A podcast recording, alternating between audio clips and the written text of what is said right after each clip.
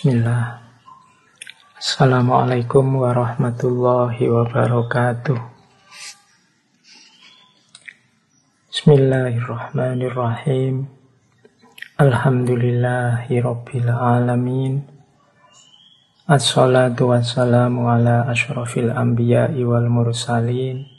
Sayyidina wa maulana Muhammadin wa ala alihi wa ashabihi wa man tabi'ahum bi ihsanin ila yaumiddin. Bismillah. Mari kita lanjutkan lagi ngaji kita masih dalam suasana dunia yang dirundung oleh pandemi virus corona. Jadi ini ngajinya masih jarak jauh dengan segala keterbatasan dan juga kenyamanannya sebenarnya. Maka semoga teman-teman semua yang malam hari ini mengikuti ngaji masih tetap mau istiqomah menjalankan sunnatullah hidup sesuai dengan situasi hari ini masih mau untuk sabar menghadapi banyak masalah karena pandemi ini. Masih mau untuk tekun, untuk tetap taat menjalankan semua aktivitas yang mampu mendekatkan kita selangkah demi selangkah kepada Allah. Termasuk ngaji yang kita jalankan secara rutin setiap malam Kamis seperti hari ini. Oke, insya Allah nanti istiqomah kita akan membuahkan barokah dan karomahnya ilmu. Baik teman-teman, malam hari ini kita melanjutkan pembahasan kita tentang pengalaman beragama. Untuk malam hari ini, pengalaman beragama yang kita angkat agak berbeda, yaitu pengalaman beragama bersama orang lain yang juga sama-sama beragama. Tema kita malam hari ini yaitu toleransi beragama atau religious tolerance. Jadi tema kita malam hari ini tentang beragama secara toleran. Jadi beragama yang bareng orang lain yang berbeda dan kita izinkan perbedaan itu.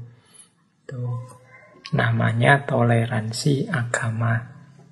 Ya sebenarnya insya Allah kita semua sepakat bahwa toleransi agama itu sesuatu yang baik, sesuatu yang mulia, sesuatu yang utama.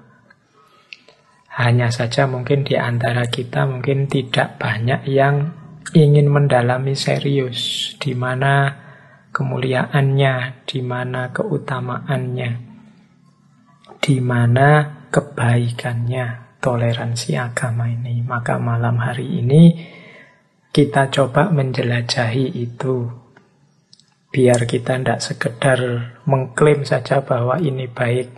Ketika ditanya kebaikannya di mana, terus kita tidak bisa jawab. Saya sering nantang teman-teman mahasiswa khususnya dengan pertanyaan-pertanyaan yang selama ini mungkin mereka merasa sudah tahu, sudah ngerti. Tapi ketika ditanyakan, Yo, kok susah ya ngomongnya, susah ya jawabnya. Maka filsafat menawarkan kita untuk alternatif-alternatif jawaban yang mungkin kita berikan kalau kita ditanya tentang hidup kita. Nah, termasuk isu yang kita merasa sudah ngerti, kita merasa menganggapnya ini pasti baik, pasti mulia, tapi ketika kita ditanya, yon jawab roto susah. Menerangkannya, letak kemuliaannya di mana juga kita agak bingung. Di situlah nanti jalannya kita untuk selalu belajar, nambah ilmu, nambah wawasan. Oke, baik. Itu sedikit pengantar. Kita mulai saja langsung masuk ke materi. Ambil nafas sebentar. Siapkan yang harus disiapkan. Mungkin ada yang mau sambil nyatet. Ada yang mau sambil kelesetan, ya siapkan bantalnya. Ada yang mau sambil ngopi, ya siapkan kopinya. Bismillah, kita mulai. Yeah. Ini bulan ini kita benar-benar belajar karena isinya teori-teori. Baik, kita lihat pertama-tama tentang toleransi agama ini dari definisi harfiahnya dulu. Dari kata-katanya dulu. Pertama saya ambil dari KBBI, Kamus Besar Bahasa Indonesia. Ini kalau pelajar mahasiswa harusnya akrab dengan kamus ini. Ini istilah yang disepakati untuk toleransi menurut KBBI definisi yang pertama adalah sifat atau sikap toleran. Nah, kalau ini kita tahu definisi yang pertama ini. Yang kedua, toleransi itu batas ukur untuk penambahan atau pengurangan yang masih diperbolehkan. Jadi ternyata toleransi juga membicarakan tentang batas. Sampai di mana kita bisa toleran, di ranah apa kita, ya kalau tentang itu jangan toleran. Jadi itu yang kedua. Jadi Selain ngomong sikap, dia juga ngomong batas. Kemudian yang ketiga, toleransi itu adalah penyimpangan yang masih bisa diterima dalam pengukuran kerja. Nah, berarti definisi yang ketiga, toleransi ternyata juga bisa bermakna penyimpangan yang bisa dimaklumi, yang bisa diterima. Oke, jadi toleransi itu kalau menurut bahasa berarti sikap juga membicarakan batas, juga membicarakan penyimpangan tapi masih bisa diterima. Itu toleransi secara bahasa. Ya kadang-kadang kan kita misalnya, oh kalau yang ini masih bisa ditolerir, kalau yang itu sudah tidak bisa ditolerir. Ini kan berarti urusannya batas. Atau menyimpang sih, tapi saya masih bisa menerima. Nah, itu berarti masih bisa ditoleransi. Perut kita itu mungkin kalau kita isi satu piring dia menerima. Kalau dua piring sebenarnya dia keberatan karena terlalu banyak, tapi masih bisa ditoleransi. Begitu kita makan sampai tiga piring, wah ini perutnya sudah memberontak ini, ini tidak bisa ditoleransi lagi, ini wadahnya tidak cukup akhirnya kalian sakit perut. Nah itu contoh paling mudah untuk menjelaskan bedanya apa batas penyimpangan atau sikap. Sikap kita yang ugal-ugalan makan sampai tiga piring itu berarti kita tidak toleran sama perut kita. Wong dia tidak kuat makan sebanyak itu. Paling banyak bisa ditolerir ya dua piring lah. Nah, itu mudahnya ya bedanya sikap atas atau penyimpangan. Dua piring itu sebenarnya juga sudah penyimpangan. Sudah lebih, tapi yo masih bisa ditolerir lah. Itu ini definisi harfiahnya begitu. Nanti kita juga akan bicara hal-hal semacam itu. Kalau dalam bahasa Latin, toleransi itu tolerantia. Artinya kelonggaran, kelembutan hati, keringanan, kesabaran. Dalam bahasa Inggris tolerance yaitu membiarkan, mengakui, menghormati. Dalam bahasa Arab istilahnya tasamuh. Tasamuh itu saling mengizinkan atau saling memudahkan. Ini saya tidak pilih-pilih mana yang lebih baik, Latin, Inggris, atau Arab. Tapi kalau kita mengembangkan sikap toleran, ya harus punya semua kualitas ini, baik yang disebut dalam bahasa Latin, dalam bahasa Inggris, atau dalam bahasa Arab. Toleran berarti adalah sikap kelonggaran, kelembutan hati, keringanan, kesabaran. Seperti dalam bahasa Latin, juga bisa diartikan membiarkan, mengakui, menghormati yang lain yang berbeda. Seperti dalam bahasa Inggris. Juga bisa diartikan saling mengizinkan atau saling memudahkan. Seperti dalam bahasa Arab. Nah, ini definisi harafiahnya saja sebenarnya yo sudah cukup kita ngerti. Oh, berarti sikap toleran itu itu. Isinya itu. Mungkin sudah selesai dari situ ya. Apa ndak usah dilanjutkan lagi saja, wis ngerti. Insya Allah teman-teman semua sudah tergolong orang yang toleran. Buktinya sekarang kita hidup dalam keragaman, dalam perbedaan, dan damai-damai saja. Ya kalau ada konflik kecil-kecil, kalau ada keributan kecil-kecil itu wajar sebagai manusia. Tapi secara umum sebenarnya kita ini situasinya damai. Berarti kita punya kualifikasi toleran. Kita punya kualifikasi kelonggaran kepada yang lain. Lembut hati, ringan dan sabar. Kalau sudah tidak sabar, ya sudah perang sejak dulu. Kemudian membiarkan, mengakui, menghormati saling mengizinkan, saling memudahkan. Oke, meskipun saya lupa beberapa bulan yang lalu ada yang bilang Indonesia ini growing intolerance. Semakin lama kok tambah tidak toleran ya. Banyak kasus-kasus yang menunjukkan kita kok tambah tidak toleran ya.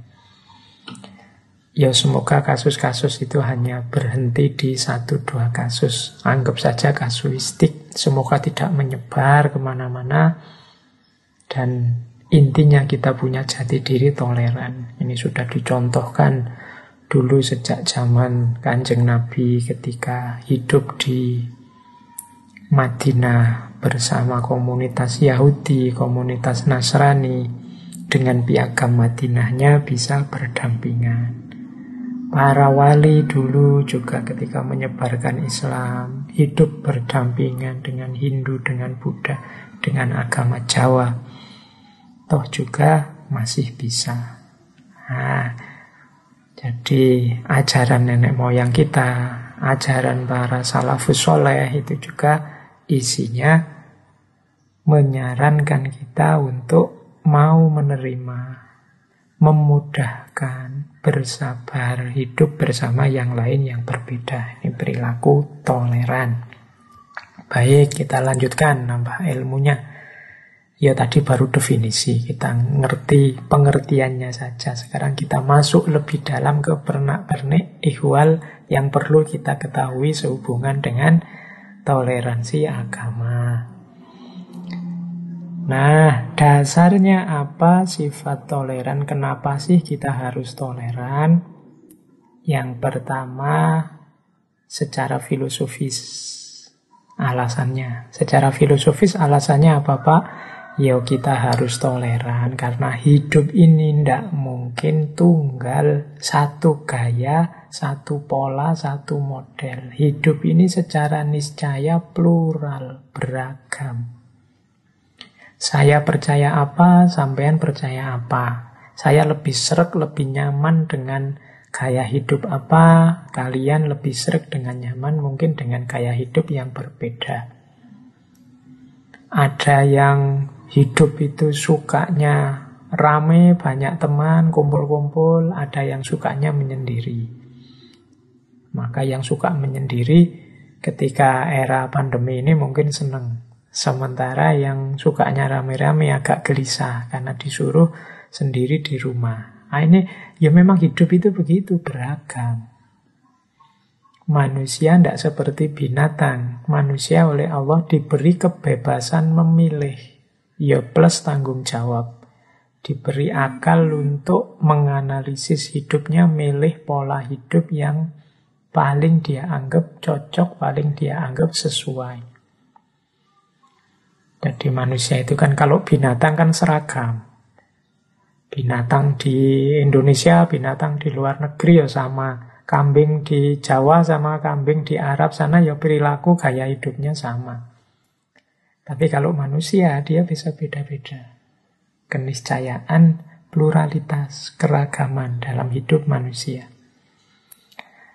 Yang kedua, kenapa kok plural? Ya karena manusia hidup secara dialektis dengan lingkungan sekelilingnya. Makanya kadang orang di daerah sini beda loh gaya hidupnya dengan orang di daerah sana. Orang di Indonesia beda gaya hidupnya dengan orang di Eropa. Nah, ini ini keniscayaan. Keniscayaan itu berarti tidak bisa dihindari. Pasti begitu. Oleh karena itu, ya kalau kita tidak kuat berbeda, kalau kita tidak sanggup berbeda dengan orang lain, kita akan sengsara hidup kita. Karena tidak mungkin orang itu seragam persis sesuai keinginan kita. Pasti setiap orang beda-beda, wong akalnya beda, cara berpikirnya beda. Itu dasar yang pertama. Jadi secara filosofis kita akan susah sendiri, kita akan sengsara sendiri kalau tidak menerima pluralitas.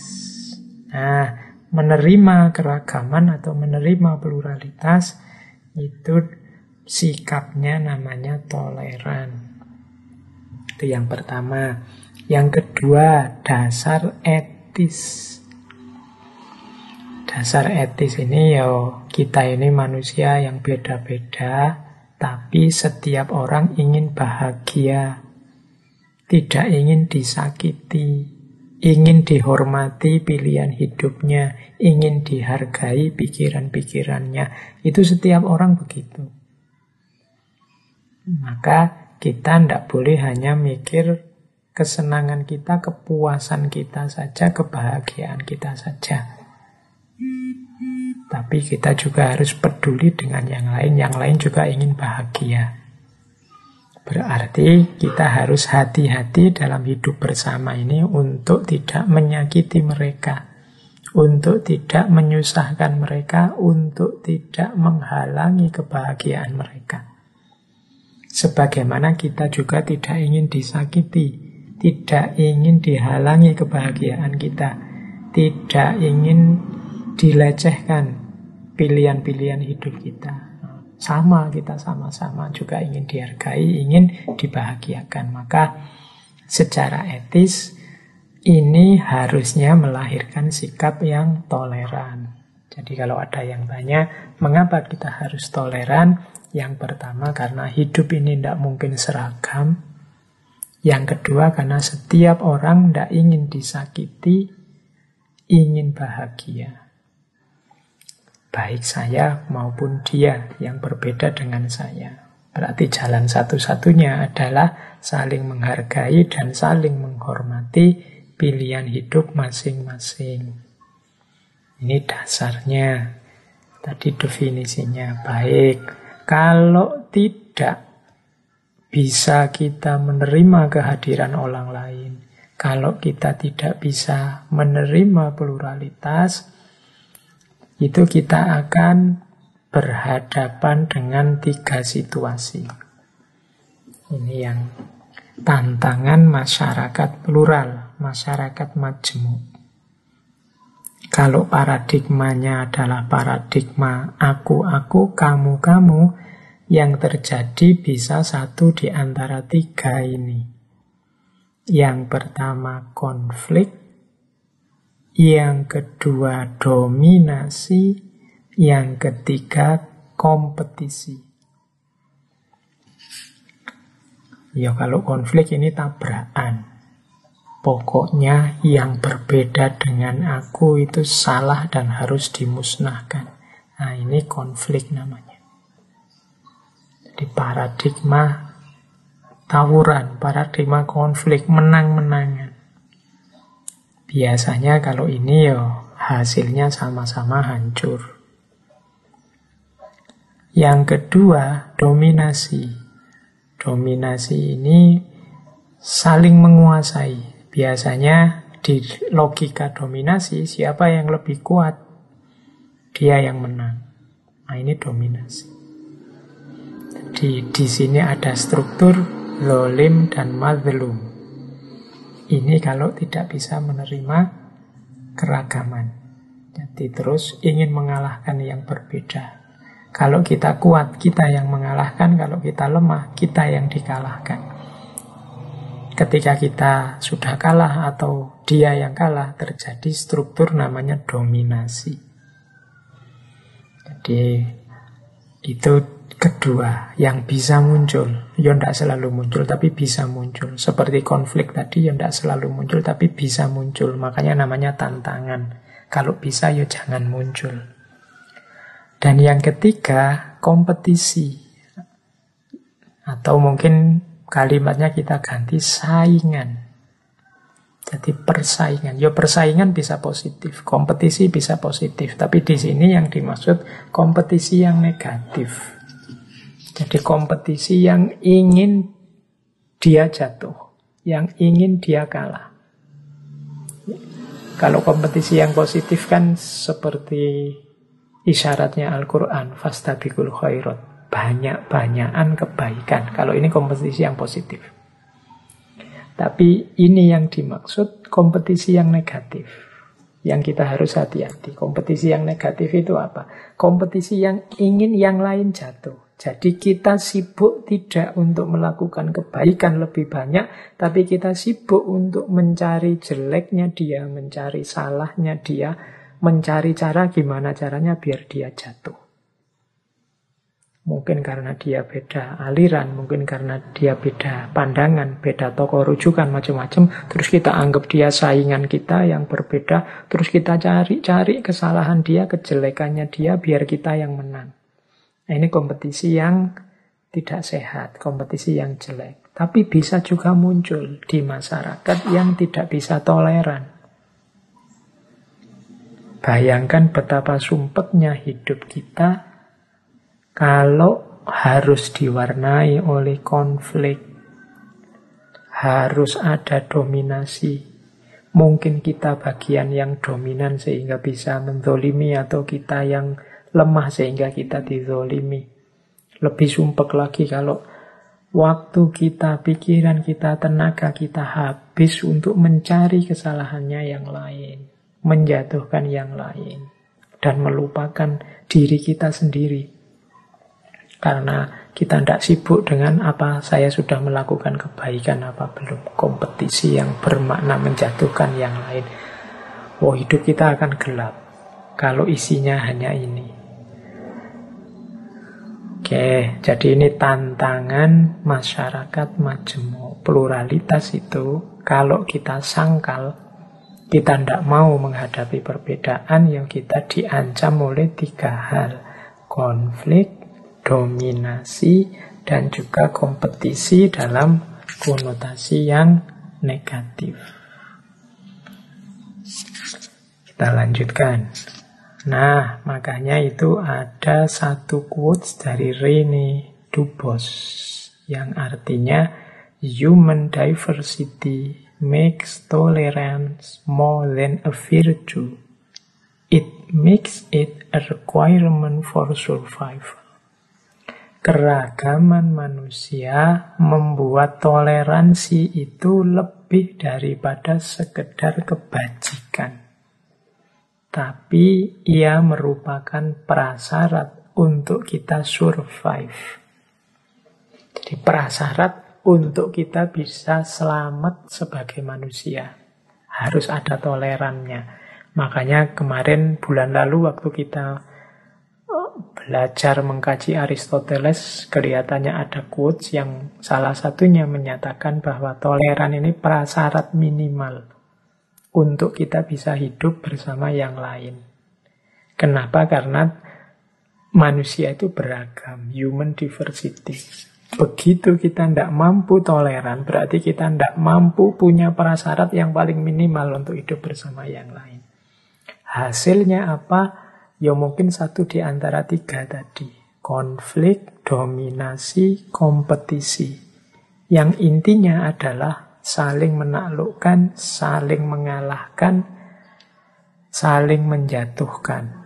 Kalau sudah begini saja isinya hidup kita, kita tidak akan bisa survive, bahkan sebagai manusia. kita akan hancur sendiri. Maka toleransi adalah requirement for survival. Prasyarat agar kita bisa survive. Ini pelajaran bagi kita ya yang harus diingat-ingat. Tidak mungkin kita menghindari hidup bersama orang lain.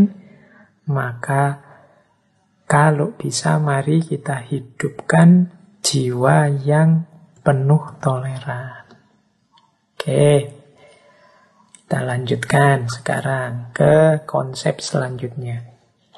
Boleh minum dulu sebentar bagi yang sudah menyiapkan minuman. Oke, ya di sini masih ada pesawat lewat yang kedengaran, jadi dianggap saja iklan. Terus konsep selanjutnya, toleransi itu ada dua dimensi dalam pelaksanaannya manifestasinya toleransi itu punya dua dimensi. Yang pertama apa? Tidak setuju pandangan atau pilihan orang lain. Pilihan itu bisa pandangan, bisa sikap, bisa perilaku, bisa organisasi, bisa kelompok dan macam-macam itu kan. Pilihan orang yang kita tidak setuju. Kenapa kok ini jadi dimensinya toleransi, Pak? Iya, karena kalau terhadap yang setuju ya kita tidak butuh toleran, wong sudah setuju. Justru butuh toleransi itu karena ada yang tidak kita setujui. Jadi diingat-ingat misi toleransi itu bukan misi menyamakan semua pandangan, menganggap benar semuanya, tidak begitu. Tidak kok, wah wis bener kabeh, wis boleh. Tidak. Ya tentu saja ada yang lain. Kenapa disebut lain? Karena dia berbeda dengan kita pilihannya. Dia milih A, saya milih B. Dia suka A, saya sukanya B. Dia lebih nyaman dengan A, saya lebih nyaman dengan B. Itu kan berarti saya tidak setuju, saya tidak cocok dengan dia. Nah, ada ininya pasti toleransi diawali dari ketidaksetujuan kita, ketidakcocokan kita dengan dia. Makanya disebut plural. Plural itu beda-beda. Yo kalau setuju semua, kompak semua, ndak jadi plural namanya wong sama. Kalau sudah sama, ya ndak butuh toleran, kita otomatis sudah sama. Yang butuh toleran itu ketika ada yang ndak cocok, ada yang ndak setuju. Tapi jangan lupakan dimensi kedua, dimensi kedua ini kelanjutannya. Kalau sudah tidak setuju terus gimana? Kan itu. Ini lebih penting ini. Yang kedua ini apa? Tidak memaksakan pilihan kita sendiri, keputusan kita sendiri, gaya hidup kita sendiri, pandangan kebenaran kita sendiri kepada yang lain yang tadi berbeda. Ini dimensi kedua. Jadi toleransi itu ketika kita tidak setuju, tapi tidak ingin memaksakan pandangan kita pada yang lain. Ketika pilihan kita beda dengan dia, dan kita hargai pilihannya, kita tidak paksakan pilihannya agar sama dengan pilihan kita. Jadi yang kedua ini, makanya beberapa kali saya baca di medsos itu, yo, toleransi itu jangan sampai jatuh pada mencampur-campur akidah. Ya pastinya harus begitu karena dalam toleransi itu ada yang tidak kita setujui.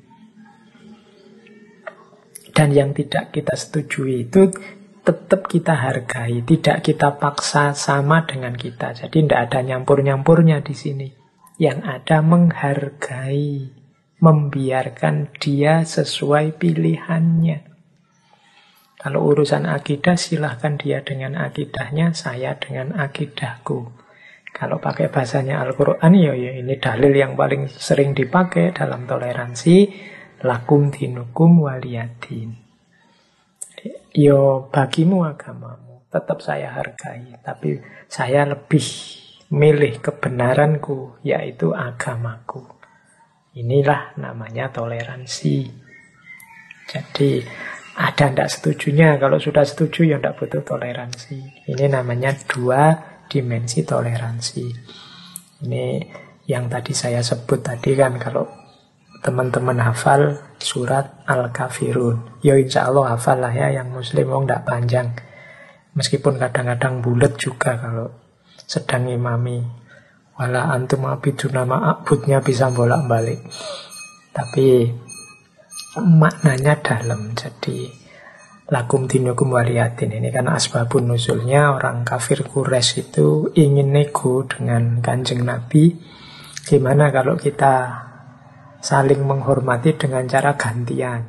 Yo kolo-kolo saya yang nyembah Tuhanmu, nanti kamu juga sekali-sekali sembahlah Tuhan saya. Ya enggak, kalau urusan ini yo kalau saya sampai nyembah Tuhanmu, ya berarti saya setuju juga dengan Tuhanmu. Kalau setuju, tidak butuh toleransi. Justru toleransi itu, saya tidak setuju dengan pendapatmu. Menurutku, engkau keliru.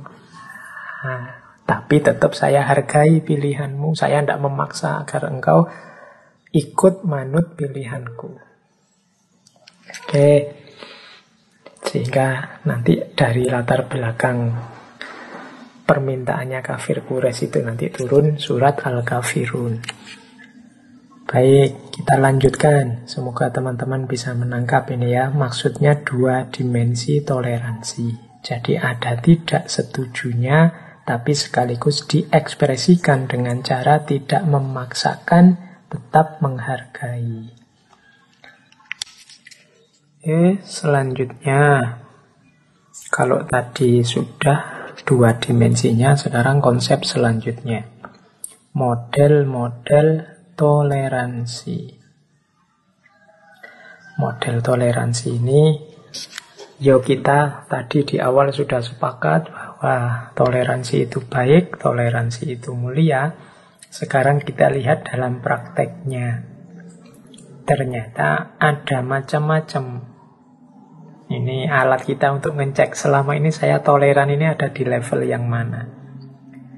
Nah, di catatan konsep yang saya bawa, orang toleran itu ada tiga jenisnya. Ada yang membiarkan, ada yang memahami, ada yang dialog. Yang pertama membiarkan. Membiarkan itu itu kalau pakai bahasanya teman-teman yang muda hari ini itu sebenarnya membiarkan itu sama dengan cuek. Jadi terserah kamu dengan keyakinanmu, dengan aktivitasmu, asal jangan nyenggol saya, asal jangan ngerusui saya, kamu aman. Ini ini namanya paradigma cuek, paradigma membiarkan, tidak peduli. Suka-suka kamulah dengan keyakinanmu, suka-suka kamulah dengan keimananmu, suka-suka kamu dengan pilihan hidupmu. Aku tidak peduli, asal kamu jangan nyenggol-nyenggol aku. Kalau nyenggol aku, pembalasanku lebih pedih. Nah, gaya semacam ini itu jenis toleransi pertama, membiarkan cuek. Ya tidak salah untuk awal-awal toleran itu kan kadang berat ya menerima yang berbeda itu kita agak susah ya paling tidak membiarkan sudahlah biarlah engkau dengan keyakinanmu dengan pilihan hidupmu. Cuma kita harus hati-hati paradigma cuek ini rapuh mudah rusak oleh provokasi. Kalau kita cuek cuek ini kan tidak tahu menau tidak peduli. Jadi dan ini lemah, ketidakpedulian itu lemah. Karena kita tidak peduli kan, kita tidak paham benar tentang perbedaannya sebenarnya di mana. Dia itu berbeda tentang apa, tidak sama di mana. Hal esensial atau hal artifisial dan seterusnya. Karena nggak nggak tahu sama sekali, terus rapuh, mudah diprovokasi. Mungkin satu ketika orang datang padamu yang tadi cuek terus manas-manasi kamu. Oh, temenmu itu yang berbeda itu diam-diam sebenarnya melecehkanmu itu yang dia lakukan itu kamu tidak sadar kan dia lakuannya itu berlawanan dengan pilihan hidupmu kan oh, dia ke mana-mana mamer-mamerin yang dia lakukan itu sehingga engkau kelihatan jelek dia yang kelihatan mulia oh ini provokasi terus kamu panas Kenapa kamu bisa panas? Kamu tidak tahu aslinya dia seperti apa. Yang kemarin kamu cuekin itu sebenarnya apa sih, tentang apa sih? Karena kemarin kamu hanya membiarkan saja, sekarang dapat informasi-informasi keliru, provokasi-provokasi yang merusak, kamu terpengaruh. Jadi awalnya sih tidak masalah, kamu cuek membiarkan saja. Kalau pas tidak ada provokasi, tidak ada kasus-kasus yang sensitif, tidak ada problem-problem apa yang saling senggol entah sengaja entah tidak itu aman tapi begitu ada masalah, ada provokasi, kalian akan mudah tersulut. Kalau kemarin sih cuek saja, sehingga tidak ngerti. Orang bilang A, kamu anggap A beneran. Orang bilang B, kamu anggap B beneran. Akhirnya lahirlah konflik, lahirlah persaingan tidak sehat, saling menjatuhkan, saling dominan, saling mengzolimi, menyakiti. Maka bagi yang ada di level membiarkan ini, ya semoga tidak ada kasus, tidak ada provokasi, tidak ada konflik-konflik yang tidak perlu. Karena biasanya kalau paradigmanya hanya cuek membiarkan, masih mudah runtuh toleransinya. Nah, ayo naik kelas sedikit kalau memang mungkin tidak sekedar membiarkan, tapi juga memahami. Kalau yang pertama tadi sifatnya pasif. Wong membiarkan saja cuek. Cuek itu kan pasif. Kalau yang kedua ini aktif. Ingin cari ilmunya. Ingin cari informasi yang benar. Sebenarnya isinya keyakinannya dia itu apa sih? Isinya pilihan hidupnya dia itu apa sih? Yang ada di pikirannya sebenarnya apa sih? Nah, ini namanya memahami. Di mencari informasi baik dari buku atau dari media atau dari orang lain atau dari tokoh atau monggo cari informasi biar kamu paham. Ndak cuek lagi. Wah tetangga saya itu waktunya kerja bakti minggu pagi kok mesti bolos ya saya tahu sih keyakinan saya dengan dia berbeda. Tapi ini kan urusan bersama. Kenapa kok dia bolos terus ini? Wah, terus ada provokasi kok. Ya memang, dia itu memang tidak cocok sama kamu. Dia memang ingin musuhi kamu terus. Oh, dan seterusnya. Terus kita terpengaruh. Nah, coba cari informasi dulu. Baca-baca dulu. Dia ini ikut apa, aliran apa, kelompok apa. Oh, dia ikut organisasi ini. Organisasi ini tuh ada acara tiap hari minggu, ada rapat organisasi misalnya. Nah, ini kan kita terus jadi paham. Bisa maklum sekarang, karena sekarang paham. Kalau tadi cuma cuek, membiarkan saja, tidak tahu apa-apa, mudah salah paham. Sekarang kita paham karena kita mau aktif mencari informasi dari buku, dari media, dari toko, dari medsos, dari internet, macam-macam. Nah, diharapkan ya paling tidak kita ada di yang kedua ini. Biar tidak mudah panas, tidak mudah pecah, tidak mudah konflik. Mau memahami, tidak sekedar cuek. Syukur-syukur yang ketiga, yang paling tinggi. Yaitu apa? Dialog.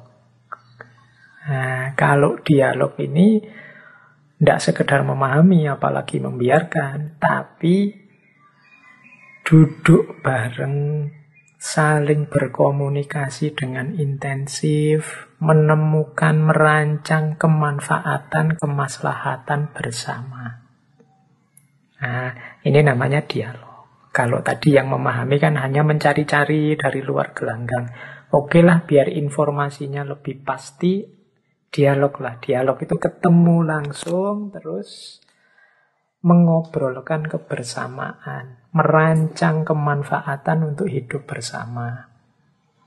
Temui langsung, kemudian diajak bicara, kita ini kan beda pandangan, beda pilihan hidup, tapi kan kita hidup di komunitas yang sama Kita ini tetanggaan.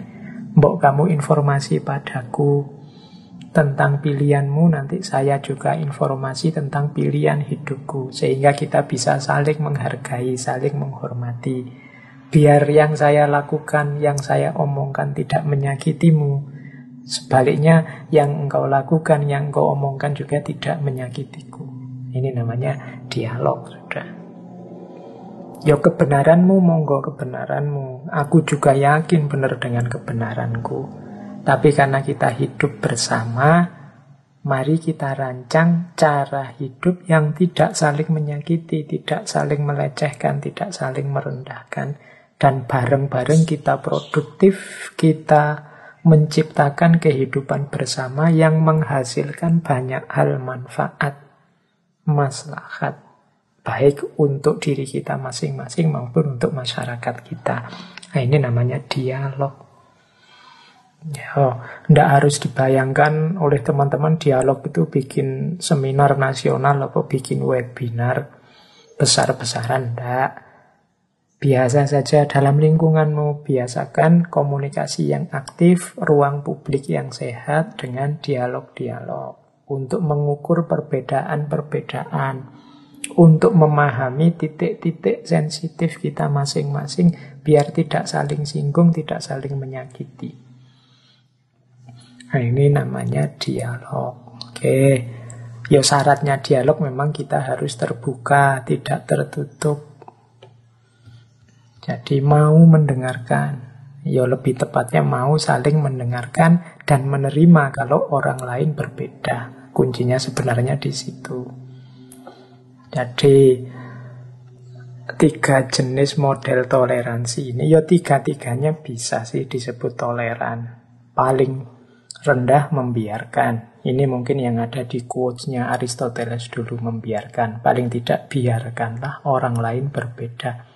Cuek itu minimal. Ya wis minimal cuek lah, tapi tetap hati-hati karena dalam kecuekanmu kamu akan mudah diprovokasi, mudah difitnah, mudah salah paham.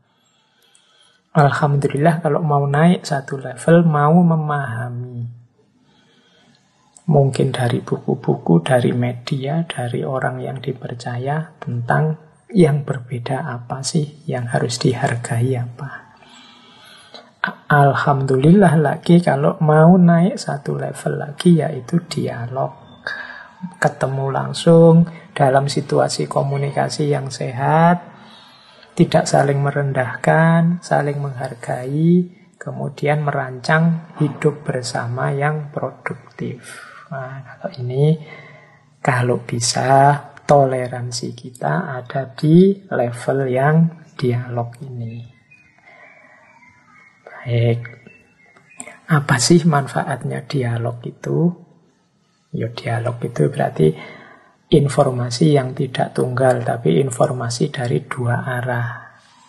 Manfaatnya apa? Yang ketiga, eh, ada tiga manfaatnya, yaitu yang pertama saling memahami lebih serius, lebih mendalam. Kemarin belum paham, setelah dialog aku ngerti. Oh maksudnya ini toh. Oh ini disakralkan oleh tetanggaku yang keyakinannya beda ini. Berarti aku jangan sembarangan sama itu. Kuatirnya menyinggung perasaannya. Ini saya ingat sekali sebuah tradisi yang di Kudus itu ketika Sunan Bonang eh kok Sunan Bonang Sunan Kudus dan umatnya tidak lagi menyembelih sapi untuk menghargai warga umat Hindu saat itu yang ada di sana karena bagi umat Hindu sapi itu binatang yang disakralkan. Lo ini kalau kita egois, yang sifatnya cuek tadi, yang hanya membiarkan tadi, tidak mau memahami dengan serius, susah bagi kita untuk meniru kearifan Sunan Kudus tadi. Jadi untuk mengambil kebijakan sudahlah daripada tetanggaku, saudaraku yang agamanya berbeda ini nanti sakit hatinya karena kita menyembelih binatang yang dia sakralkan, kita jangan nyembelih sapi dulu lah. Toh yo dagingnya sapi bisa diganti dengan kerbau. Jadi di sini kalau bikin soto ya sotonya pakai kerbau saja, bikin masakan pakai kerbau saja, jangan pakai sapi. Kebijaksanaan, kearifan seperti ini lahir karena bisa memahami dengan serius. Tidak sekedar cuek. Kalau paradigmanya cuek, yo terserah saya membeli sapi. Misalnya kamu punya tetangga Hindu, seperti Sunan Kudus tadi, ini kan agama-agamaku sendiri membolehkan. Ya bukan berarti terus kita jangan menyembelih sapi, ya monggo, tapi dilaksanakan sedemikian rupa sehingga tidak menyakiti, tidak menyinggung.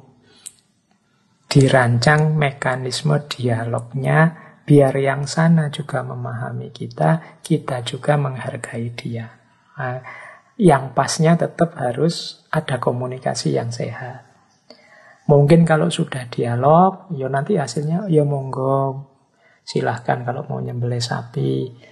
Tapi mohon maaf bagi kita karena sapi itu sakral maka kalau pas nyembelih saya ndak ndak diwajibkan ikut hadir melihat ya, ndak diwajibkan untuk ikut menikmati hasilnya dan macam-macam ya monggo kalau itu hasilnya dialog namanya. Tapi lahir karena komunikasi yang sehat, karena kemauan untuk saling memahami dan menghargai. Yang pertama itu.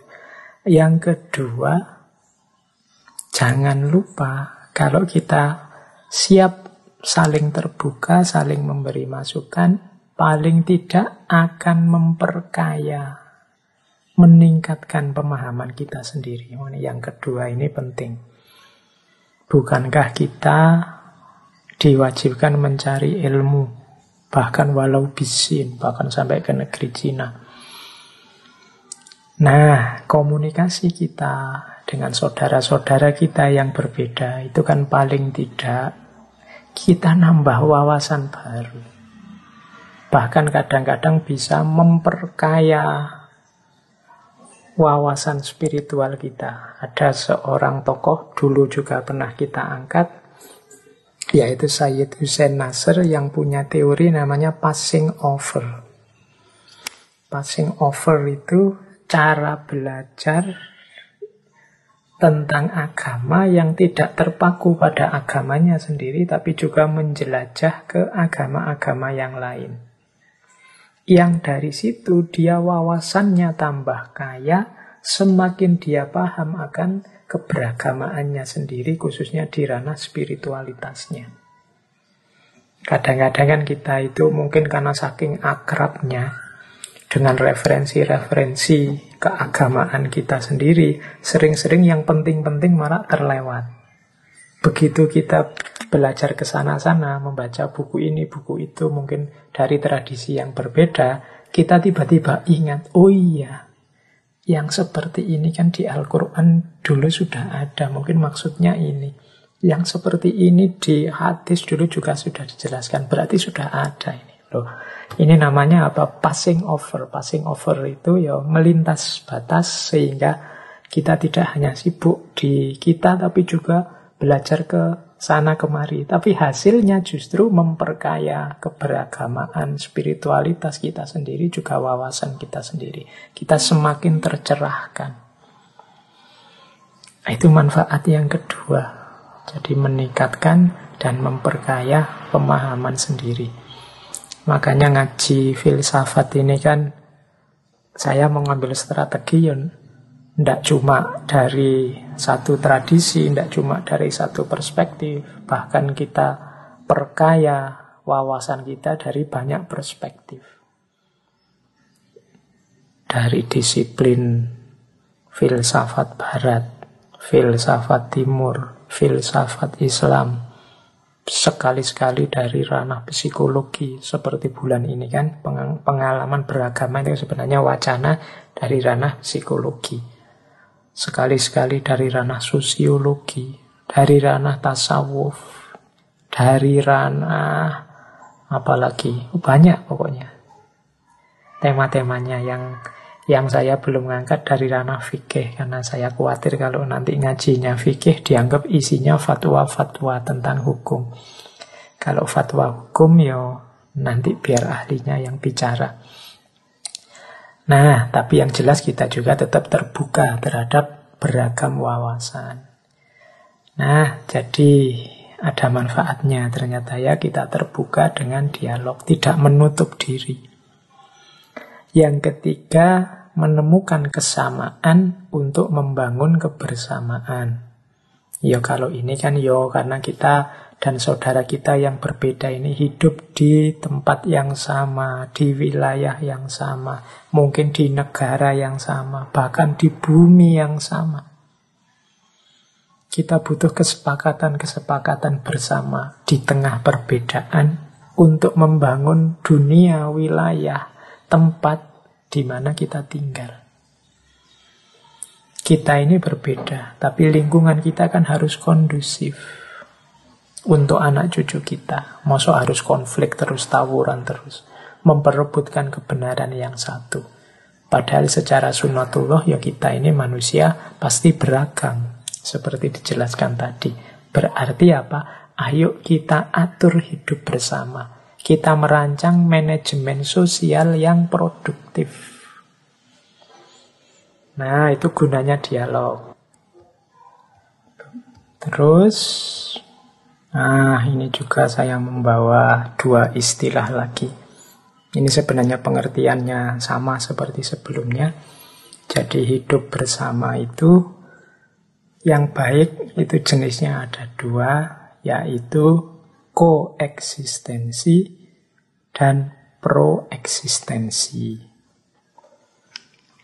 Biasanya awalnya itu kita bisa koeksistensi koeksistensi ini saling kerjasama, saling menerima kehadiran yang lain, bareng-bareng sesuai dengan kebenarannya sendiri-sendiri. Kalau koeksistensi berjalan baik, semoga tidak sekedar koeksistensi,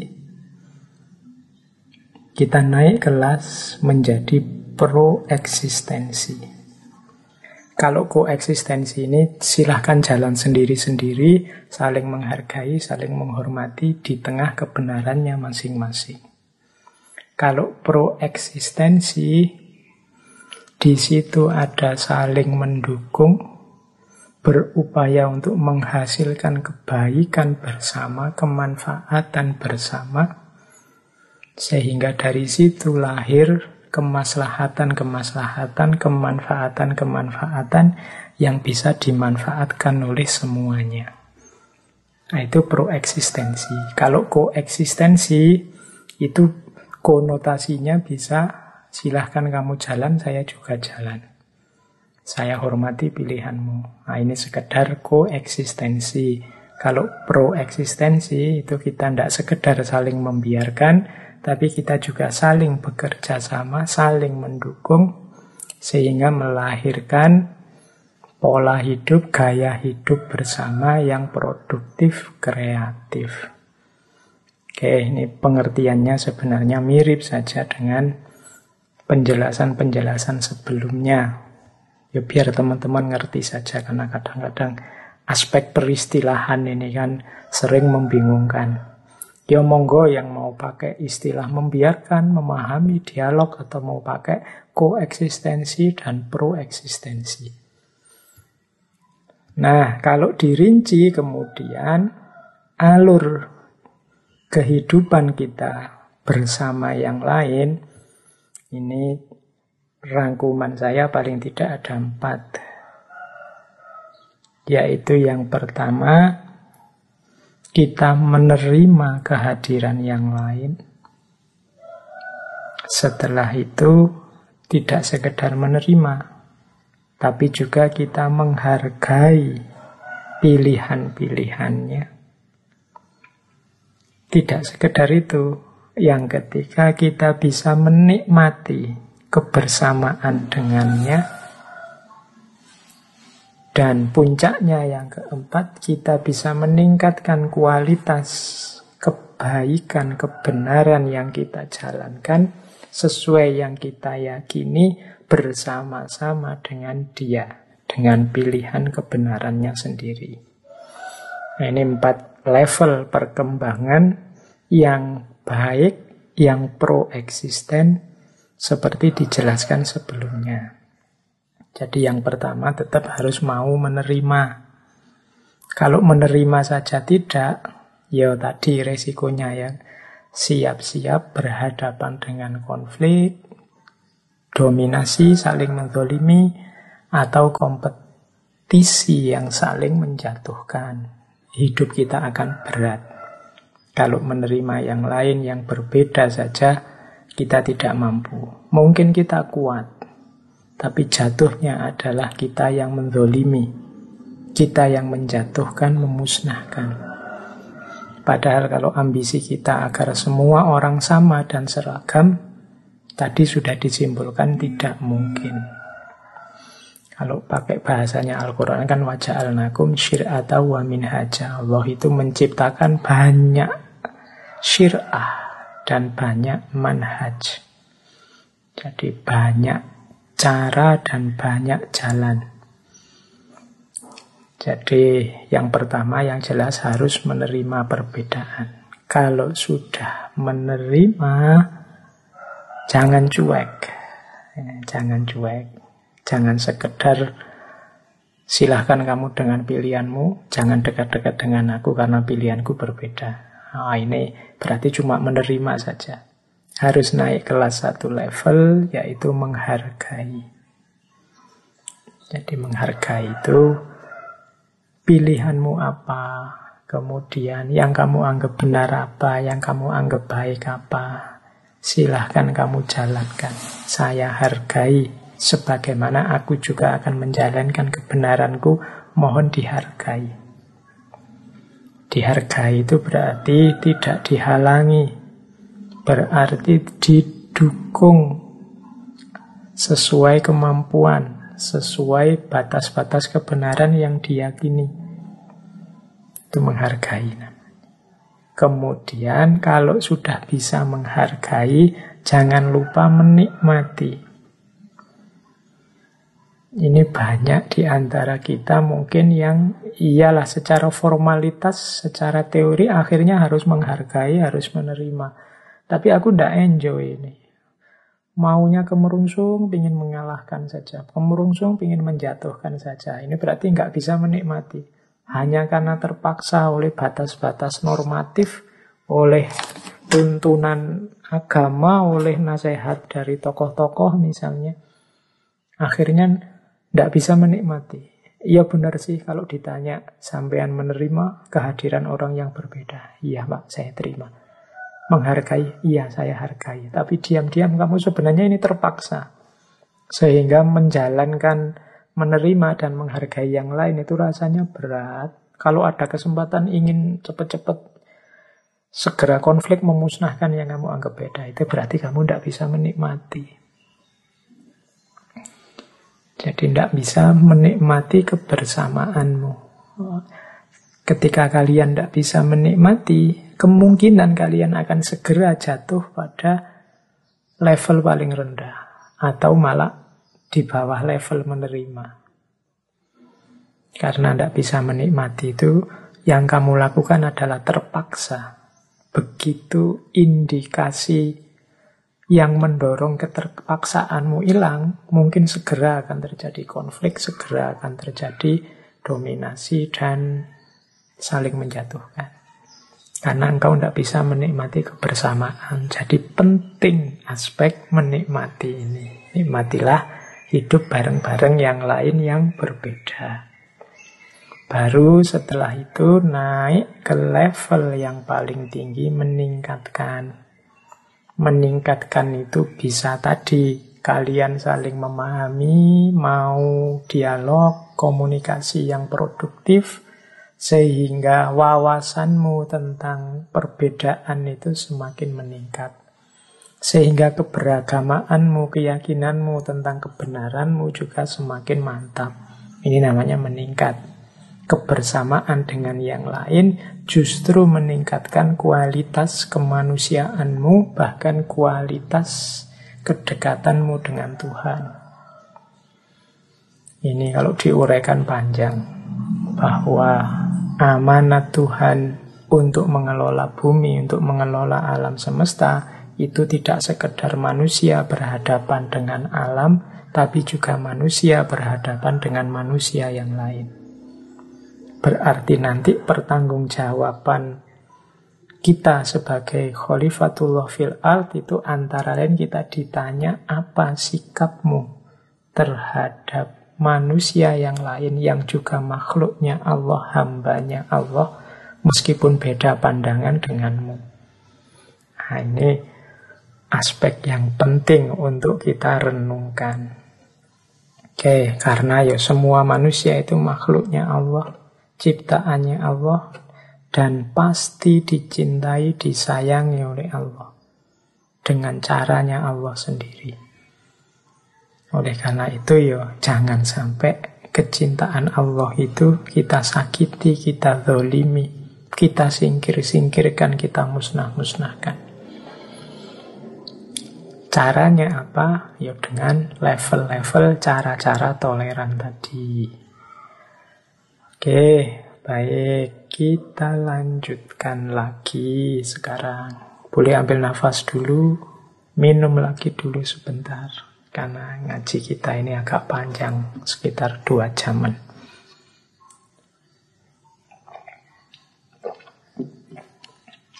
Nah, ini saya rangkum secara umum di luar ekspresi-ekspresi sosial, ekspresi individual, batinnya seorang yang toleran itu isinya paling tidak empat.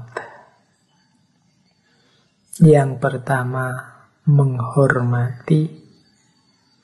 Yang kedua, menghargai. Yang ketiga, peduli atau simpati. Yang keempat, merasakan atau empati. Ini juga level-level. Yang pertama, menghormati. Menghormati itu mungkin bahasa Inggrisnya respect. Respect itu membiarkan sesuatu sebagaimana adanya. Nah ini menghormati. Jadi pertama-tama batin kita menghadapi perbedaan itu harus mau hormat, mau menerima sesuatu sebagaimana adanya. Eh, ya karena kalau kita tidak mau menerima yang berbeda sebagaimana adanya, itu yang berat justru diri kita sendiri.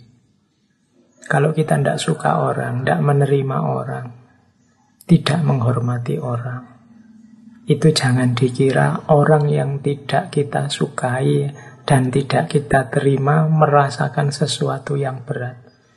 Justru pertama-tama yang berat itu batin kita sendiri, hati kita sendiri. Kita gelisah memikirkan keberadaannya. Padahal mungkin dia tidak pernah mikir keberadaan kita. Dia menerima saja kehadiran kita sehingga hatinya ringan. Tapi justru kita yang tidak menerima batin kita yang berat. Maka penting pertama-tama kita hidupkan penghormatan, penerimaan terhadap yang berbeda. Yang kedua, menghargai. Kalau menghormati ini mungkin konotasinya lebih pasif, kalau menghargai ini lebih ke aktif. Menghargai itu misalnya teman kita sedang ibadah, dia punya keyakinan yang berbeda dengan kita. Sementara kita waktu lagi bebas, free, ingin nyetel musik keras-keras misalnya. Oh enggak lah, kasihan temanku yang sedang ibadah. Nanti kalau saya nyetel musik keras-keras, dia terganggu. Itu menghargai. Ada unsur aktifnya. Ya meskipun kadang-kadang orang dianggap sama saja menghormati dan menghargai, tetapi menghargai ini ada unsur aktifnya. Jadi penerimaan tadi diwujudkan dalam tindakan-tindakan, mungkin kata-kata, mungkin perbuatan. Nah, ini sejenis penghargaan. Ada wujudnya penghormatan tadi dalam bentuk penghargaan. Yang ketiga, simpati. Simpati itu peduli. Lebih dalam dari simpati, empati. Kalau empati itu turut merasakan. Kalau simpati, peduli dari luar. Kalau empati, turut merasakan sampai dalam. Misalnya, ada saudara kita sedang sedih karena habis broken heart diputus oleh pacarnya. Nah, itu kalau simpati, itu kamu, kamu mungkin ngirim WA, saya turut berbela sungkawa atas nasibmu yang baru saja diputus. Nah, itu peduli namanya, ndak cuek. Di bawah simpati itu cuek. Peduli amat kamu diputus apa ndak.